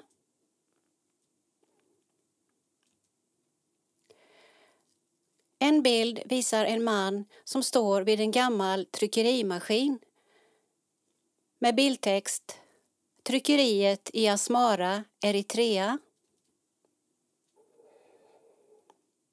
En bild visar en samling barn utanför ett hus med bildtexten Barnmissionens årsmöte vid Johannelund 29 maj 1903. En bild visar några människor utanför en hydda med bildtext vid EFS 50-årsjubileum 1906 gjordes en missionsutställning på Johannelund. Indienmissionärerna byggde denna hydda och missionärerna från fälten i Afrika byggde sina hyddor. En bild på en ung man med prästkrage med bildtext. Theodor Engdahl var DUFs första missionär 1903. Han var först i Eritrea och senare 1904 i Juba, parentes Somalia. Sidan 44. Kultur. Skriver för de ohörda. Mikael Grenholms högaktuella debutroman Konvertiten föddes i skuggan av utbrändhet och sjukskrivning. Nu hoppas han att boken ska skänka förståelse och empati för kristna konvertiter. Text och bild Dagmawit Alemayehu. Budbäraren besöker författaren, pastorn och föreläsaren Mikael Grenholm en regnig höstdag i september. Han sitter på soffan i vardagsrummet och scrollar igenom det färgkodade Scrivener-dokumentet av sin nypublicerade bok medan katterna Nudel och Strudel springer runt i det mysigt belysta radhuset i Uppsalaförorten Gottsunda. Konvertiten är en berättelse om den afghanska flyktingen Hossein, rebellen Helena som blir förälskad i Hossein och Helenas pappa tillika migrationsministern Oskar. Tre livsberättelser vävs samman i en spännande och dagsaktuell resa genom Sveriges strama migrationspolitik till det krigsdrabbade och kulturrika Afghanistan. Jag hoppas att boken skänker förståelse och empati för kristna konvertiter, i synnerhet afghanska konvertiter. Så mycket av problemen vi ser bygger på brist på förståelse samtidigt som sekulära tjänstemän överskattar sin förståelse för kristendom, säger Mikael. Idén om denna bok kom år 2020 när Mikael var på promenad dragandes på en barnvagn med sin väns bebis i. Men tanken om att lyfta kristna konvertiter och deras situation har funnits i tankarna länge. I kölvattnet av flyktingkrisen 2015 skapade Mikael med inspiration av vännen Sofia och med hjälp av programmeraren Andreas Lundström testet är jag kristen nu? Testet innehöll frågor tagna från protokoll av vad Migrationsverket frågar konvertiter för att bedöma om de verkligen är kristna. En av frågorna var till exempel Berätta vad som står i Matteus kapitel 10, vers 34. 2019 kunde allmänheten ta del av testet som till Mikaels stora förvåning spred sig som en löpeld på nätet. Inom en vecka hade 100 000 människor runt om i Sverige genomfört testet och av dem var det inte fler än 30 som fick 60 procents rätt. Något som jag tror bidrog till att testet blev så stort var att man plötsligt befann sig i konvertitens skor, säger Mikael och fortsätter lyfta problematiken i Migrationsverkets bemötande av konvertiter. Vår bild av politiken och konflikten i Afghanistan är förenklad just för att den är så komplex. Under skrivprocessen av min bok slog det mig hur otroligt vackert Afghanistan är och hur rikt landet är på kultur, historia men också naturresurser som mineraler. När talibanerna tog över landet blev det så tydligt att den tidigare USA-stödda afghanska regeringen och deras armé hade varit ett lapptäcke av massa olika krafter och riktlinjer. Det har funnits regeringssoldater som är med på att kristna förföljs till exempel.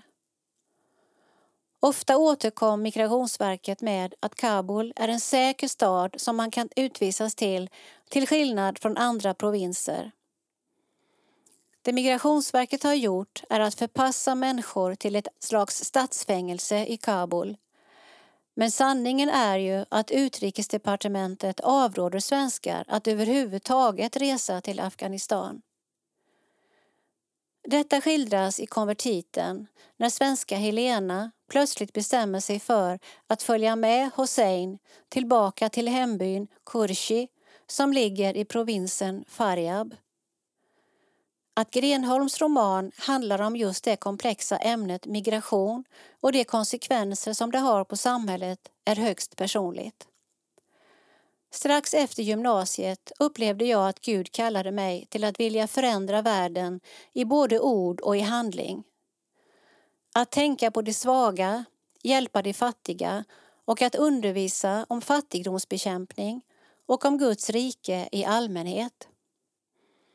Mikael studerade freds och utvecklingsstudier på Uppsala universitet och parallellt en kandidatexamen i teologi på Johannelunds teologiska högskola. Han har även engagerat sig i FN-förbundet och i Diakonia som kämpar för en värld utan våld, förtryck och fattigdom. Mitt engagemang för flyktingar är ett resultat av de globala orättvisorna och konflikternas effekt här i Sverige. 2016 publicerades hans allra första bok Jesus var också flykting som han skrev tillsammans med Stefan Svärd. I boken bemöter författarna flyktingdebatten ur ett bibliskt perspektiv. Den har bland annat använts som kurslitteratur på Johannelund. Boken var ett engagemang för alla flyktingar. Men sen har jag, som många andra, varit väldigt upprörd när jag har förstått hur extremt orättvist kristna flyktingar och kristna konvertiter har behandlats. Fem år senare är debatten desto viktigare, förklarar Mikael och berättar tacksamt om en lyckad bokrelease i Korskyrkan i Uppsala. Att boken har fått bra kritik innebär också att kampen för kristna konvertiters rättigheter uppmärksammas. Inte kunde man ana att releasen föregicks av en egen personlig och tuff kamp för Mikael. Mitt under redigeringen av boken i mars 2021 drabbades han av en utmattning och blev sjukskriven på heltid. Det kändes som ett misslyckande. Jag har alltid varit en mångsysslare och en kreativ själ som trivs med att ha igång flera projekt samtidigt. Under hösten 2020 tog jag på mig administrativa och ekonomiska åtaganden för bland annat församlingen Mosaik. Dessutom studerade jag kyrkohistoria. Till slut kände jag ett tryck mot bröstet. Det var jobbigt med precis allt, säger Mikael och förklarar att katterna Nudel och Strudel införskaffades för att lätta upp stämningen hemma, vilket blev framgångsrikt. Han fortsätter. Det som var läkande var att fortsätta skriva på ett nytt manus. Jag fann avkoppling och tillfredsställelse i det kreativa skrivandet. Det är nog en bekräftelse på att Gud kallar mig till det här. Vid tiden för vårt samtal har Mikael hunnit återhämta sig och är tillbaka i arbetet på heltid, om än med fler vilopauser och ett betydligt lugnare tempo än tidigare. Mikael Grenholm Ålder 30 år Bor Uppsala Yrke Pastor i husförsamlingen Mosaik tillsammans med sin fru Sara och författare. Aktuell med debutromanen Konvertiten, Sjöbergs förlag. Sida 48. En missionspionjärs berättelse. Vivi Rinman var blott 22 år när hon lämnade Göteborg för att följa sin barndomsdröm att bli missionär i Indien. I Vivi i Chindwara får du en unik inblick i hennes lika fantastiska som fascinerande gärning från pionjärtiden i EFS missionshistoria. Provläs. Vivi hade börjat fundera över sin uppgift i Chindwara. Zenana-missionär eller ansvarig för arbetet i barnhemmet. När flickorna somnat gick Vivi mellan sängarna och tänkte på om hon, 22 år gammal, skulle klara av att fostra alla dessa. I ett brev till Zenana Missionsföreningen i Göteborg skrev hon att hon hoppades att de inte skulle bli alltför missnöjda med att hon hade funnit sin plats vara hos barnen snarare än hos de instängda kvinnorna. I väntan på definitivt besked om sin framtid arbetade Vivi med att renskriva några av Gustavs manuskript inför tryckning. Gustav Danielsson skrev på roman-urdu, det vill säga med vanliga latinska bokstäver, och Vivi skrev rent med hindi-bokstäver. På så sätt lärde hon sig stava rätt och fick dessutom övning i att forma bokstäverna. Det var intressant och dessutom ett arbete som var till nytta. Gustav rådde henne hur som helst att ta en paus från språklektionerna. Det kunde bli för mycket i hettan. Två timmar varje morgon var annars vikta för språkstudier med lärare. Denne fick inte så mycket betalt och enligt de flestas omdöme berodde det på att han inte var så skicklig. Även om han själv kände sig mycket kunnig i både urdu och hindi. Vivi kan låta både entusiastisk och desillusionerad och till och med ironisk i samma brev. På Jesu ord vill jag kasta ut nätet i Chindwara. Om det så har fiskats i 30 år utan något underbart resultat så säger vi med Petrus Herre, på ditt ord vill jag kasta ut nätet. Det ser ej ut som att pastor Lindroth skulle få någon infödd kristen kvinna med bildning och gåvor att handleda våra många flickor. Styrelsen hemma har sagt sig ta för givet att jag, då det behövs, lämnar verksam hjälp i flickbarnhemmet. För mig ser det ut som att jag åtminstone för den närmaste tiden odelat skulle få ägna mig åt flickorna och ej åt zenana-arbete förrän barnhemmet fått de dugliga personer som behövs. Men jag väljer ej hur det kommer att gestalta sig. Pastor Lindroth är föreståndare för båda de blivande barnhemmen och han har kanske avsikter för framtiden som han inte talat om eftersom jag, med min oerfarenhet och bristande övning i språket, är ganska olämplig i denna syssla. Föreståndare Oberoende av vad missionär Lindroth till en början ansåg visade sig Vivi synnerligen lämplig för uppgiften att ta hand om flickhemmet med allt vad det innebar. I mitten av juni, innan regntiden kom, var flickornas bostäder klara för inflyttning. Vivi ger i en artikel, publicerad i Missionstidning, en målande beskrivning av hur hon en natt låg vaken och väntade på barnen som skulle komma från Amarwara. Skulle de hinna fram innan regnet gjort vägarna oframkomliga? En lång rad oxkärror, fullpackade av sovande eller yrvakna flickor av alla åldrar, kom rullande in på gården. De minsta fick bäras in sovande. De andra vaknade och hoppade glatt ur kärrorna, hälsande på mig så frimodigt, salam, fastän de aldrig sett mig förut. Vivi längtade ofta hem, även om hon aldrig medgav det direkt. Hon ångrade aldrig att hon rest. Hennes kallelse var stark. Efter några månader tog Vivi mod till sig och ledde själv eftermiddagens bibelundervisning i barnhemmet. Hon hade oroat sig mycket i förväg eftersom hon tyckte det var svårt att uttrycka på hindi det hon ville ha sagt. Hon fanns visserligen större delen av tiden bland barnen som talade hindi men deras sätt att prata var väl inte det bästa sättet att lära sig språket. Hon behövde utöka sitt ordförråd och skämdes över att hon alltför ofta använde barnens slarviga uttryck. Vivi kände sig som en riktig mamma och ansåg själv att hon växt med ansvaret. Barnen ville kalla henne mamma, men det tillät hon inte.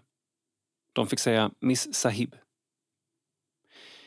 I flickhemmet bodde nu 130 flickor och det blev snart nödvändigt att göra plats för ytterligare 25 barn. De minsta pojkarna. Vivi i Chindwara kan beställas på shop.efs.nu.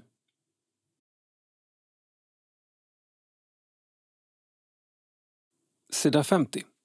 Kultur. Allt är nåd. Ivarsson Bergner, 2021. Musiktips. David Ivarsson och Jenny Bergner, båda med rötter i EFS, har släppt ett album där saltartexter har klätts i ny tondräkt under titeln Allt är nåd.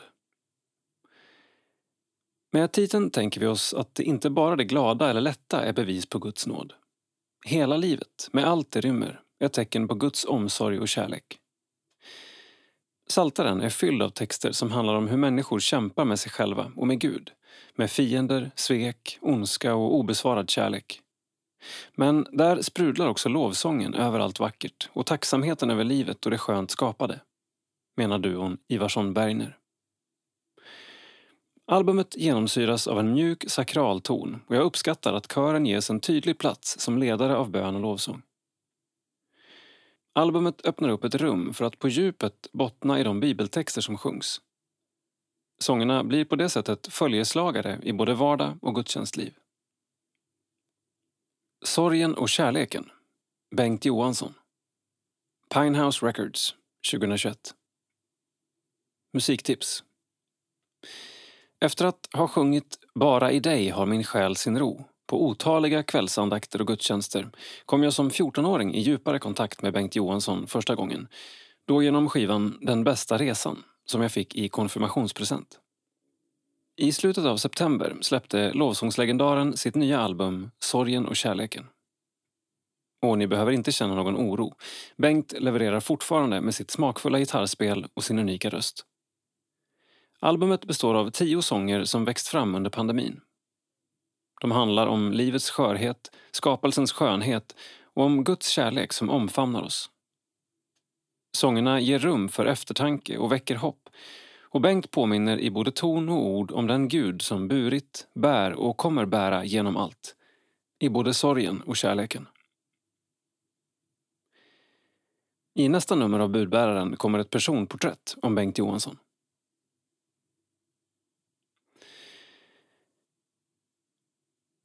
Common Hymnal, internationellt musikkollektiv. Musiktips.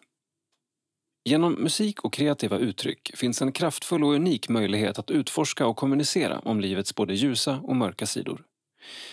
Jag vill tipsa om Common Hymnal, ett kollektiv av musikskapare som utan omskrivningar tar sig an just det. Common Hymnal har sin bas i USA men har medlemmar från hela världen. Även i Sverige genom Jenny Wahlström. A Treehouse Wait, silver. Jag attraheras av Common Hymnals förmåga att lyfta frågorna om hur evangeliet utmanar oss in i världens orättvisor, rasism, sjukdom och beroenden. Musikaliskt rör sig Common Hymnal mellan R&B, gospel och singer-songwriter och du hittar dem på Spotify, Youtube och commonhymnal.com. Sidan 51. Kultur, psalm. Svenska psalmboken 288. Gud, gör oss järva. Gud, från ditt hus, vår tillflykt du oss kallar, ut i en värld där stora risker väntar. Ett med din värld, så vill du vi ska leva. Gud, gör oss järva. Lyft oss, o Gud, ur våra tröga vanor. Krossa vårt skal av värdighet och blyghet. Lös oss från jaget, ge oss kraft att älska. Gud, gör oss fria. Ge oss din blick för dolda möjligheter. Ge fantasi att finna nya medel. Gud, i din tjänst för fred och bröd åt alla, Gud, gör oss kloka. Människors krav skall pressa oss och tvivel, oro och jäkt skall tynga våra sinnen. Låt oss då känna att din kärlek bär oss. Gud, gör oss glada. Gud gör oss järva är skriven av Fred Kahn, en av Europas största psalmdiktare i vår tid. Denne pastor och teolog föddes i Holland 1929 och blev alltså tonåring under andra världskriget där hans föräldrar tillhörde motståndsrörelsen mot Nazityskland. Som vuxen flyttade han till England och blev mycket aktiv i den internationella ekumeniska rörelsen men främst ville han verka lokalt, nära människor, som pastor i den reformerta kyrkan i England. Varje tid behöver sina salmer. På 1960-talet började fler och fler kristna tala om solidaritet, rättvisa, fred och kyrkans ansvar i världen. Men det fanns få salmer som handlade om livet mitt i världen, här och nu. Fred Kahn med sitt livslånga engagemang för fred och försoning blev då en viktig gåva till kyrkan. Hans salmer spänner över många ämnen men särskilt viktiga blev hans texter om ovannämnda teman. Kahn började skriva salmer därför att han blev så frustrerad över att han inte hittade några lämpliga i psalmboken till söndagens gudstjänster. Han berättar själv om sin mind the gap-teologi. Parentes. Formuleringen används i tunnelbanan i London och betyder Se upp för avståndet mellan vagnen och perrongen. Slut parentes. Kahn vill påminna om vikten av att inte skapa ett stort avstånd mellan bön och handling, liturgi och engagemang, gudstjänst och mission. Det hör ju ihop. Fred Kahn har sex salmer i vår psalmbok. Flera av dem verkliga pärlor, som den härliga dopsalmen upp ur vilda djupa vatten, Svenska psalmboken, psalm 386 och min egen favorit. Jublande lyfter vi här våra händer, Svenska psalmboken, psalm 292b. I Sverige sjunger vi oftast nummer 288 Gud gör oss järva, som är fenomenalt översatt av Britt G. Hallqvist. Den svenska texten är nära nog bättre än originalet. Det var Hallqvists idé att låta alla verser sluta med Gud, gör oss järva, fria, kloka och glada. Salmen som är en bön sänder oss från gudstjänsten tillbaka ut i en värld där stora risker väntar. Det är där vi ska leva, ett med din värld, som både är Guds och vår. Torbjörn Arvidsson Sidan 52 Insändare EFS i bräschen för ett nytt valsystem? Frågetecken. Insändarskribenten Therese Engdahl menar att Svenska kyrkan är i akut behov av ett nytt och vitaliserande valsystem. Frågan om ett nytt valsystem för Svenska kyrkan har ända sedan statskyrkans avskaffande debatterats flitigt från olika håll. Min upplevelse är att den debatten tenderar att intensifieras inför varje kyrkoval. Allt fler lyfter på ögonbrynen över det otidsenliga i att politiska partier och andra grupperingar styr ett samfund som Svenska kyrkan. Är måhända tiden mogen att få gehör för en förändring inne i själva kyrkomötet, kyrkans högsta beslutande organ? Det är bara där beslutet kan fattas. I ett system där olika grupperingar ställs mot varandra är det oundvikligt att lojaliteten knyts till den egna gruppen istället för till kyrkans herre och väsen. Det gäller oberoende av om grupperingen bär ett namn kopplat till ett allmänpolitiskt parti eller inte. Den som blir medlem i en gruppering förväntas ställa sig bakom det program som antagits. Det som går förlorat är den enskilde kyrkomedlemmens fria tolkning av sin bibel och utövning av sin tro. I årets kyrkoval ställde inte mindre än 13 nomineringsgrupper upp i de kyrkliga valen. Tala om splittring. Att få tillhöra och ha blivit välkomnad i en missionsrörelse som EFS är en lisa för själen. Jag kastar mig med iver över varje nytt nummer av budbäraren varav jag har låtit spara några som just berör valsystemet i Svenska kyrkan. Jag vill gärna återkoppla till några av de inlägg jag fångats av.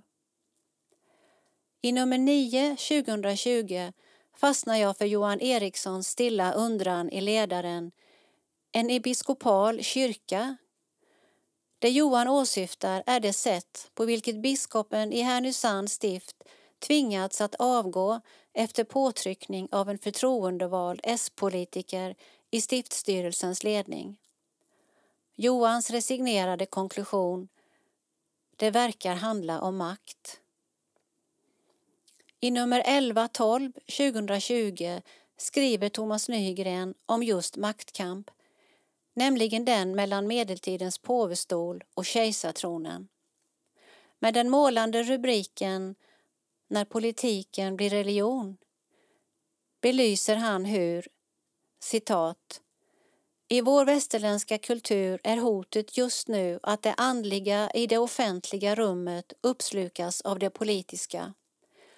En följd för en enskild människa blir att den viktigaste identiteten inte uppfattas ha med hennes gudsrelation och tro att göra utan att hon tillhör en viss grupp och ger uttryck för rätt åsikter. Slutcitat. Även Thomas berör hur Gud själv genom Jesus Kristus stiger ner i vår värld och ger upp sin makt. I det senaste numret, nummer 7 2021, tar Johan Eriksson åter upp frågan i sin ledare där han beskriver årets kyrkoval som ett ödesval. Eftersom jag inte lyckats skönja att större delen av de nuvarande nomineringsgrupperna är redo att lämna ifrån sig den makt över kyrkans liv och väsen som man strävar efter har jag blott en vag tro och from förhoppning att årets kyrkoval ska leda till någon förändring. Å andra sidan är det positivt att både nuvarande och tidigare ärkebiskopar nu uttalar sig så tydligt.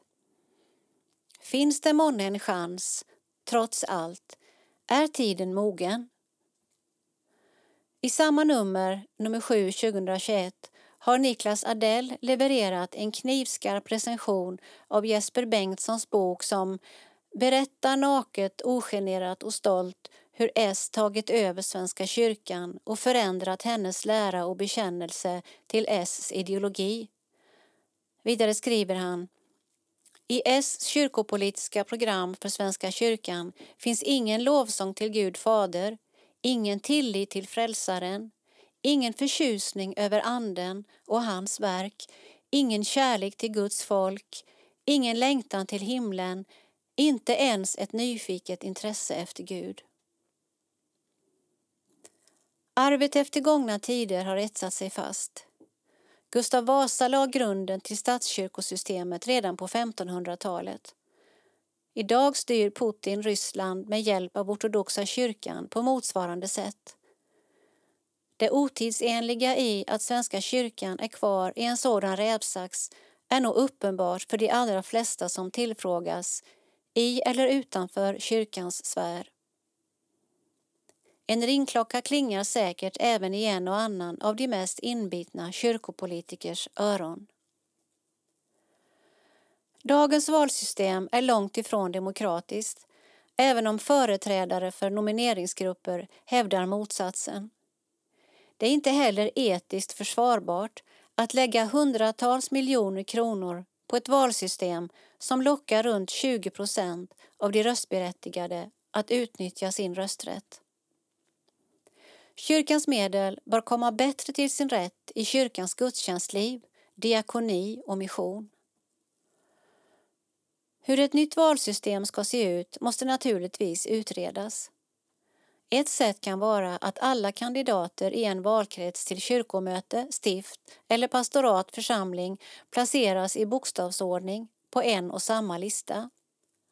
Ansvaret för att presentera kandidaterna för väljarna läggs på respektive valnämnd istället för, som idag, på nomineringsgrupperna.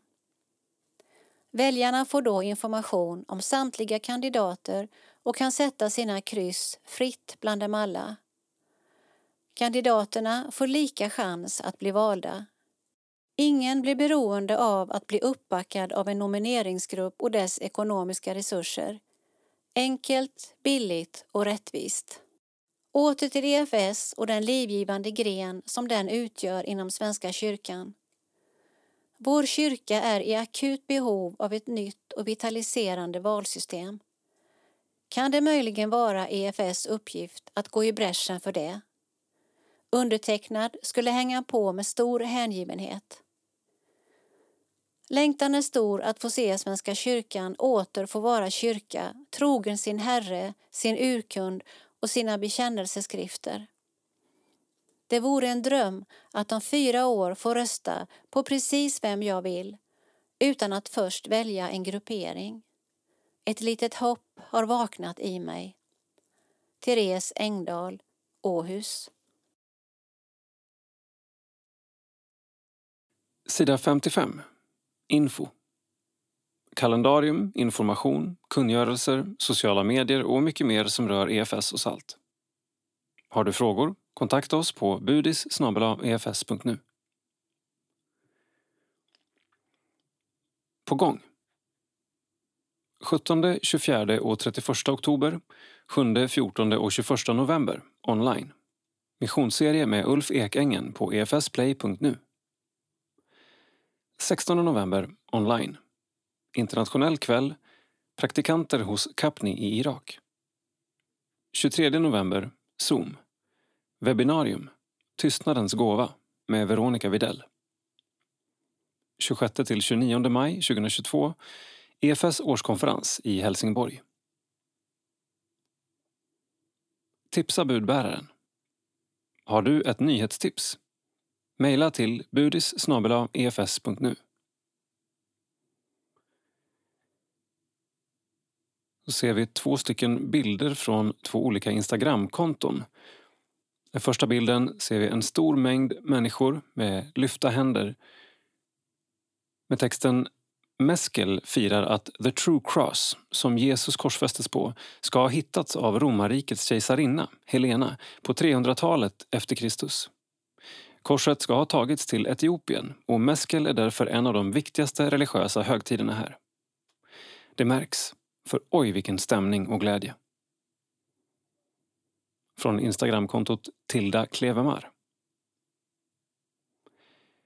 Sen ser vi en bild på ett gäng barn med uppsträckta händer och Soul Children t-shirtar i en kyrka med texten Så fin Soul Church gudstjänst. Vi ser fram emot nästa gång. Lycksele Soul Children. EFS kalender är på gång.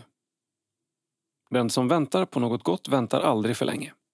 EFS kalender som brukar hamna i brevlådan i november varje år kommer i december istället. Fokus för kalendern är som vanligt EFS mission och i år med temat Leva mission.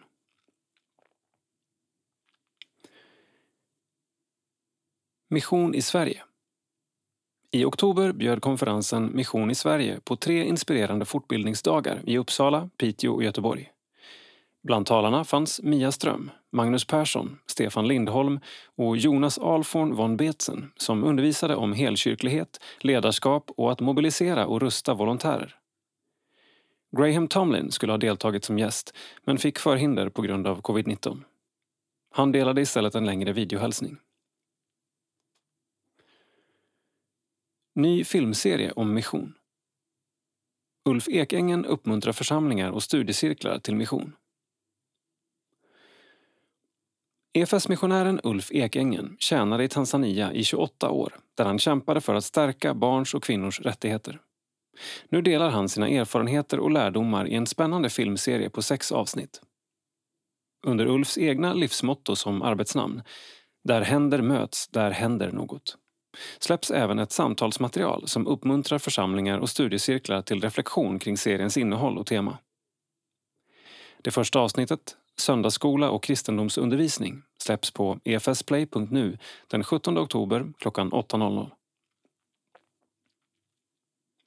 Kommande avsnitt 24 oktober Kvinnor i ELCT 31 oktober Barnkonventionen 7 november Massajerna 14 november Evangelisation 21 november Resor och utbyten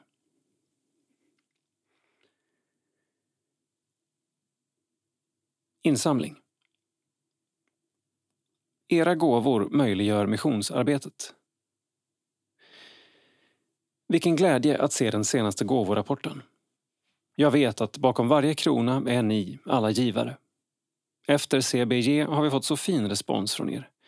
Vi har fått berättelser om hur ni samlats och vi har sett hur ni både som föreningar och enskilda gett. Jag vill uttrycka glädje och tacksamhet över att ni är med och bär ekonomiskt i allt det vi tillsammans står i. Missionsuppdraget väntar inte någonstans långt borta, utan vi står ju mitt i det nu. I början av oktober anordnade EFS en konferens för unga vuxna. Vilken glädje att se uppslutningen och den längtan som finns att växa i tro. Era gåvor möjliggör missionsarbetet. All min kärlek till er, systrar och bröder. Kerstin Oderhem, missionsföreståndare. CBG hade i år temat Förvandlad av Jesus och spelades in i Sävja kyrka. Gåvoresultat september. EFS. Insamlat 2,7 miljoner kronor. Budget 1,9 miljoner kronor. Det preliminära insamlingsresultatet för september är 2,7 miljoner kronor. Årets inkomna gåvor är i skrivande stund cirka en halv miljon över förväntan. Insamlat 18,9 miljoner kronor. Mål 2021 30,3 miljoner kronor. Salt. Insamlat 411 229 kronor. Mål 2021 1 miljon kronor. Med några månader kvar ser vi att vi har en bra bit kvar till vårt insamlingsmål. Men vi är hoppfulla och tar tacksamt emot alla gåvor som vi får in. Tack för din gåva.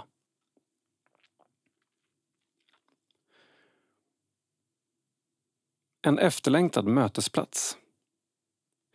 Under temat Rotad samlade Livsväg hundratals unga vuxna som hade längtat efter att få lovsjunga och tillbe tillsammans. Text och bild Jakob Arvidsson. Precis i samband med att coronarestriktionerna lättades hölls denna efterlängtade konferens för unga vuxna i Lötenkyrkan, Uppsala. Drygt 150 personer från Piteå i Norrbotten till Svalöv i Skåne var anmälda och på de öppna kvällsmötena var det uppskattningsvis 250 personer som samlades. Helgen blev helt underbar. Jag inser hur mycket jag har saknat att få komma samman och prisa Gud på det här sättet. Jag känner mig så uppfylld och lycklig över att få ta del av detta. Jag saknar nästan ord. Säger präststudenten Angelica Mörtsell som tillhörde planeringsgruppen. Det har varit så gott att få se så många unga vuxna tillbe Jesus och det ser ut som att undervisningen har landat väl. De som kommit fram och pratat har uttryckt en stor tacksamhet. Jag både hoppas och tror att denna helg ska bära rik frukt. Fortsätter hon. Angelica tycker att årets tema Rotad blev mitt i prick. Hon menar att tiden vi lever i kännetecknas av stor rotlöshet och att det är just av den anledningen mötesplatser som livsväg behövs. Den här helgen får fungera som en helg av påfyllnad för att sedan kunna gå ut och möta den samtid som vi lever i. Att vara ung vuxen och kristen är för många svårt då det är så mycket som vill dra i en åt olika håll. Då är det så viktigt att få komma till en sån här plats och dela gemenskap med många i samma ålder som också tror på Jesus. Vidare hoppas hon att alla som besökte konferensen ska ha fått med sig verktyg för att bli stabilt rotade hos Gud i den vardag som de befinner sig i med allt vad den innehåller. Jag hoppas också att våra unga kristna runt om i Sverige ska se att de är del av ett så mycket större sammanhang med hängivna syskon i tron. My Nygren var en av mötesledarna och hon var också tagen av helgen och vad den fick betyda. Det var verkligen en fantastisk helg. Jag blev så berörd av att få lovsjunga ihop i en kyrksal full med folk och ledd av ett grymt lovsångsteam. Av all fantastisk undervisning och hur Gud rört vid mig och andra under helgen. Det var verkligen en gemenskap som drog in människor, säger My och lyfter två speciella höjdpunkter från konferensen. Panelsamtalet på lördag förmiddag då det kom in massor av superspännande frågor och vi hann bara ta en liten del av dem. Och lovsångsmässan sent på lördag kväll. Där gjorde Gud verkligen sin grej. Sidan 60. Region Sydöstsverige. Kom till mig och drick. Domprosten Kristoffer Mikin inledde missionsdagen i Växjö med orden Vi samlas här för att vi behöver genomströmmas av levande vatten. Text och bild Lars-Erik Tobiasson. Missionsdagen ägde rum i Växjö domkyrka den första helgen, 2 oktober, utan särskilda restriktioner och var ett slags kick-off för hela Guds folk. EFS Sydöst var arrangör tillsammans med Svenska kyrkan Växjö och ett stort antal frikyrkor och församlingar i södra Småland. Domkyrkan bokades för ett år sedan och det fanns både en plan B och en plan C utifrån coronasituationen. Nu är vi glada att kunna ses, som Magnus Widholm som är regional missionsledare och den som dragit det tyngsta lasset inför denna numera återkommande samling. Jag tänker att det är viktigt att EFS, som är en inomkyrklig rörelse, också finns med och syns i domkyrkorna, fortsatte han. Lördagen innehöll ett späckat program där de cirka 250 deltagarna tvingades välja. Men den inledande mässan och det avslutande kvällsmötet var gemensamt för alla, då anförda av entusiastiska sångare och musiker från Hope for this nation i Göteborg. Ett eget spår hade ett 25-tal ungdomar som anförda av Lukas Mellergård från Salt och prästen Johannes Läckström samtalade om att dela med sig av sin tro och även praktiserade outreach på stan, det som i min ungdom kallades evangelisation. Medan det pågick helande gudstjänst i domkyrkan hölls ett spännande föredrag om ekumenik av Kristoffer Mikin, välkänd specialist på området. För att förstå ekumeniken behöver man förstå splittringen, sa han. Orsakerna är inte bara teologiska utan också kulturella, sociologiska och politiska. Och han visade på att schismer mellan olika läger alltid funnits. Man kan läsa om det redan i Paulus brev till församlingen i Korint. Splittring beror på att man förlorar blicken för helheten. Man väljer något och gör det till huvudsaken. Och han citerade kardinalen Yves Kongar, en föregångare i försoningen mellan de katolska och lutherska kyrkorna. Våga se det värdefulla i en annan tro. Våga integrera det i den egna tron. Efter ett dynamiskt föredrag om att vandra i anden med frälsningsofficeren Daniel Wiklund kunde de som ville praktisera en annan traditions former. Då lärde Växjö bönehus ut Jesusbönen enligt den koptiska kyrkan. Det var mycket ljud av folk som förberedde för kvällens lovsång men när vi där framme i apostlakoret hade bett de 41 gånger upprepade Jesus Kristus, Guds son, förbarma dig över oss, tystnade sålet och många drogs med i stillheten. I en paus mötte jag Yvonne Håkansson från Väckelsång. Underbar dag. Alla är här i samma ärende och vill ta emot. Det blir något speciellt av det. Man känner att man blir uppfylld av Guds kärlek. Sidan 62. Region Mittnorrland. Sommar är starkt förknippat med läger och möjligheten att nå nya generationer med evangeliet. Vi har haft en lång period när det varit långt ifrån självklart när vi återigen skulle kunna arrangera barnläger. Trots det har nya idéer kläckts och när klarsignalen äntligen kom stod våra fantastiska ledare redo att ta emot barn och familjer för nya lägerupplevelser. Här kommer två härliga berättelser från Vilhelmsbergs kursgård på Norderön utanför Östersund. Familjeläger med tre generationer. Birgitta 72, Anders 40 och Albin 8 längtade efter ett läger där fler generationer kunde vara tillsammans gärna på Vilhelmsbergs kurs och lägergård på Norderön, Jämtland. Text Birgitta Gunnervall, Anders Nordvall och Albin Nordvall. Bild privat. Vi fick med oss Anna Tirén och Thomas Wiklund, familjen Nordenmark från Strömsund och flera andra som villigt tog sig an de olika ledaruppgifterna. EFS Östersund, regionen och lägergården backade upp oss och den 6-7 augusti blev det verklighet. Till slut blev vi ett 50-tal som fick vara med om några härliga lägerdagar. Lägret fick temat Tillsammans. Sagotant Irene gav oss en fantastisk föreställning med dockspelet Prinsessan och stjärnan. Dagarna fylldes av sol, lekar och andakt, skattjakt och grillparty, måla på stenar, cykling och lite fotboll förstås. På morgnarna fick vi träffa dockan Lisa som hade lite funderingar om tillsammans i Bibeln. Hur en pojkes bröd och fiskar kunde hjälpa så många och hur Jesus vill vara tillsammans med alla, även den som inte tror sig duga. På kvällen blev det lägershow där det skapades härlig stämning med bland annat grymlyftning och nöjdhopp.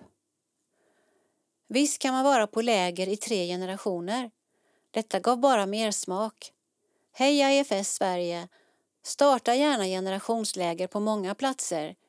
Vi behöver vara tillsammans. Barnkörläger i pandemitid efter att noga ha läst Folkhälsomyndighetens riktlinjer, mejlat regionens smittskyddsläkare, bett och funderat fick det bli två dagar med dagläger utomhus. Text Anna Tirén, bild privat. Detta blev ett läger i miniformat där vi ville få med de viktigaste bitarna i ett vanligt läger. Sång, lägershow, lek, god mat och godisregn förstås. Efter de två dagarna var vi ledare nöjda och glada över att ha genomfört lägret. Men vad tyckte deltagarna själva då? Jag haffade Emma och Ida Appelros, Theo och Maja Stenbeck och Ronja Hetteger som alla var pigga på att bli intervjuade. De har alla varit på lägret förut. Vad tycker ni om att det är en lägerdag istället för läger fyra dagar som det brukar? Det är inte samma sak. Man blir inte väckt och det är ju det roligaste. Det är kul när ledarna anstränger sig för att busa. En gång skakade det hela tältet. Man vill sova över för man hinner mer på ett helt läger, säger Ronja. Vad är det bästa med barnkörlägret? Jag ska vara ärlig. Det är inte för sången man kommer. Det är det tråkigaste. Det roligaste är att rymma, säger Emma. Men det är ändå roligt att vara här, skyndar Maja att tillägga. Det bästa med barnkörlägret tycker jag är tillvalen. Jag har haft film som tillval, berättar Ida. Maja tycker bäst om uppesittarkvällarna och Ronja bäst om att rymma om kvällarna. Det bästa är att hänga med kompisar och att ledarna är med så mycket på allt vi gör, menar Theo.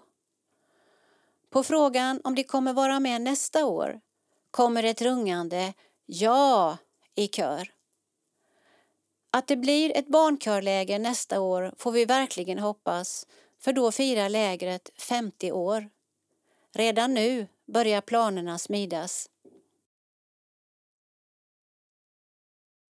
Sida 64.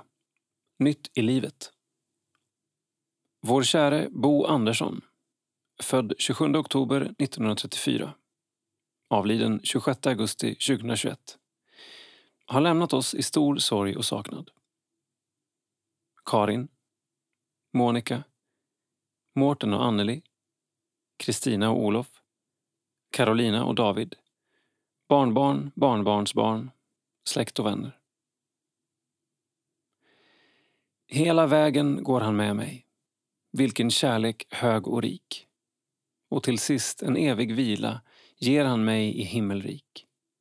När jag där får fri förklarad inför honom falla ned skall med glädje jag det minnas.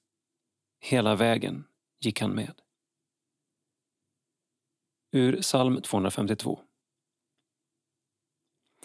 Begravningsgudstjänsten har ägt rum i Blåsmarks bönhus fredag 24 september. Tänk gärna på EFS Blåsmark, bankgiro 5947 7885. Se minnessidor.fonus.se.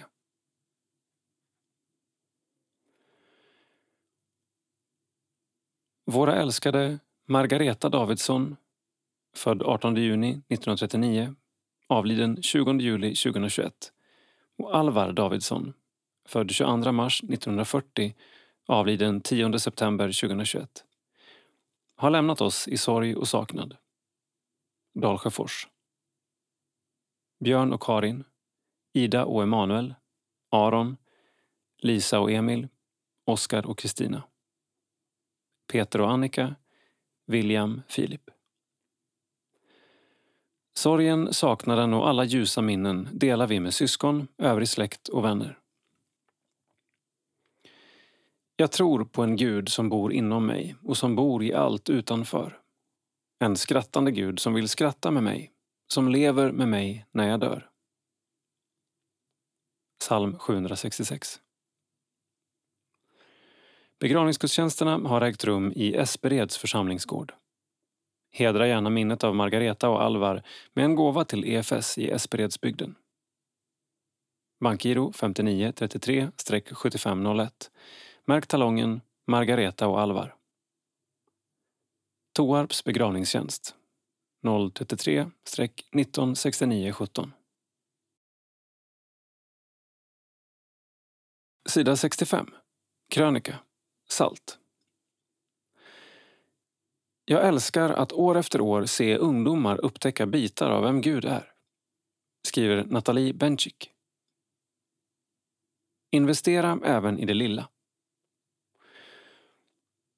Jag gick konfirmationsläsning hemma i bygden och trots att jag egentligen var för ung så hade jag börjat följa med min syster till ungdomsgruppen i samma församling. Vi var ett litet men troget gäng som dök upp varannan onsdag för att dela gemenskap och skojigheter. Vi fick såklart undervisning också men med handen på hjärtat så ska jag väl erkänna att det inte var för den som åtminstone jag kom till samlingarna. De flesta av oss i ungdomsgruppen kom från familjer som inte regelbundet gick till kyrkan eller praktiserade tron hemma. Men det var inte det enda vi hade gemensamt. Vi var nyfikna och hungriga på livet. I församlingen på hemmaplan hade vi fått upptäcka vad Gud hade att ge och det påverkade oss på olika sätt men helt klart blev vi alla märkta där i tonåren. I denna församling fick jag prova mina vingar. De anställda bjöd in oss yngre till att ta ansvar, finnas med som hjälpledare eller ha någon särskild uppgift på en större gudstjänst. Jag växte. Och det var också genom församlingen jag fick kontakt med missionsbåten Elida, där jag sedan spenderade sju år och fick träffa tusentals ungdomar under min tid där. Jag fick vara en del av ett team vars uppgift var att visa på och tala om den relation vi hade med Jesus och på olika sätt skapa möjligheter för ungdomar att också få ta steg i beslutet att följa honom. Många antar att jag måste ha älskat segling eftersom jag blev kvar i verksamheten så länge. Men sanningen är att jag älskade att år efter år se så många ungdomar upptäcka bitar av vem Gud är. Den här historien handlar inte om mig. Den handlar om en präst i en mindre församling som hade en liten ungdomsgrupp på cirka åtta personer. Som troget träffade den gruppen, även om några inte kunde komma en onsdag. Som drog med ungdomarna på större konferenser. Som såg till att församlingen gav bidrag till läger. Som gjorde till synes små men likväl strategiska handlingar som gjorde att en liten grupp med unga människor i ett litet samhälle fick börja följa. Tack vare att han var trogen i det lilla så fick en tjej hamna i tjänst där hon fick vittna för tusentals människor och i sin tur vara den som började investera i många unga människor. Tack till alla er som fortsätter så in och investera i det lilla. Som också litar på att så länge jorden består ska sådd och skörd, köld och värme, sommar och vinter, dag och natt aldrig upphöra. Första Mosebok 8.22 Nathalie Bencik, vikarierande saltkoordinator, EFS Sydsverige. Tack för att du har lyssnat.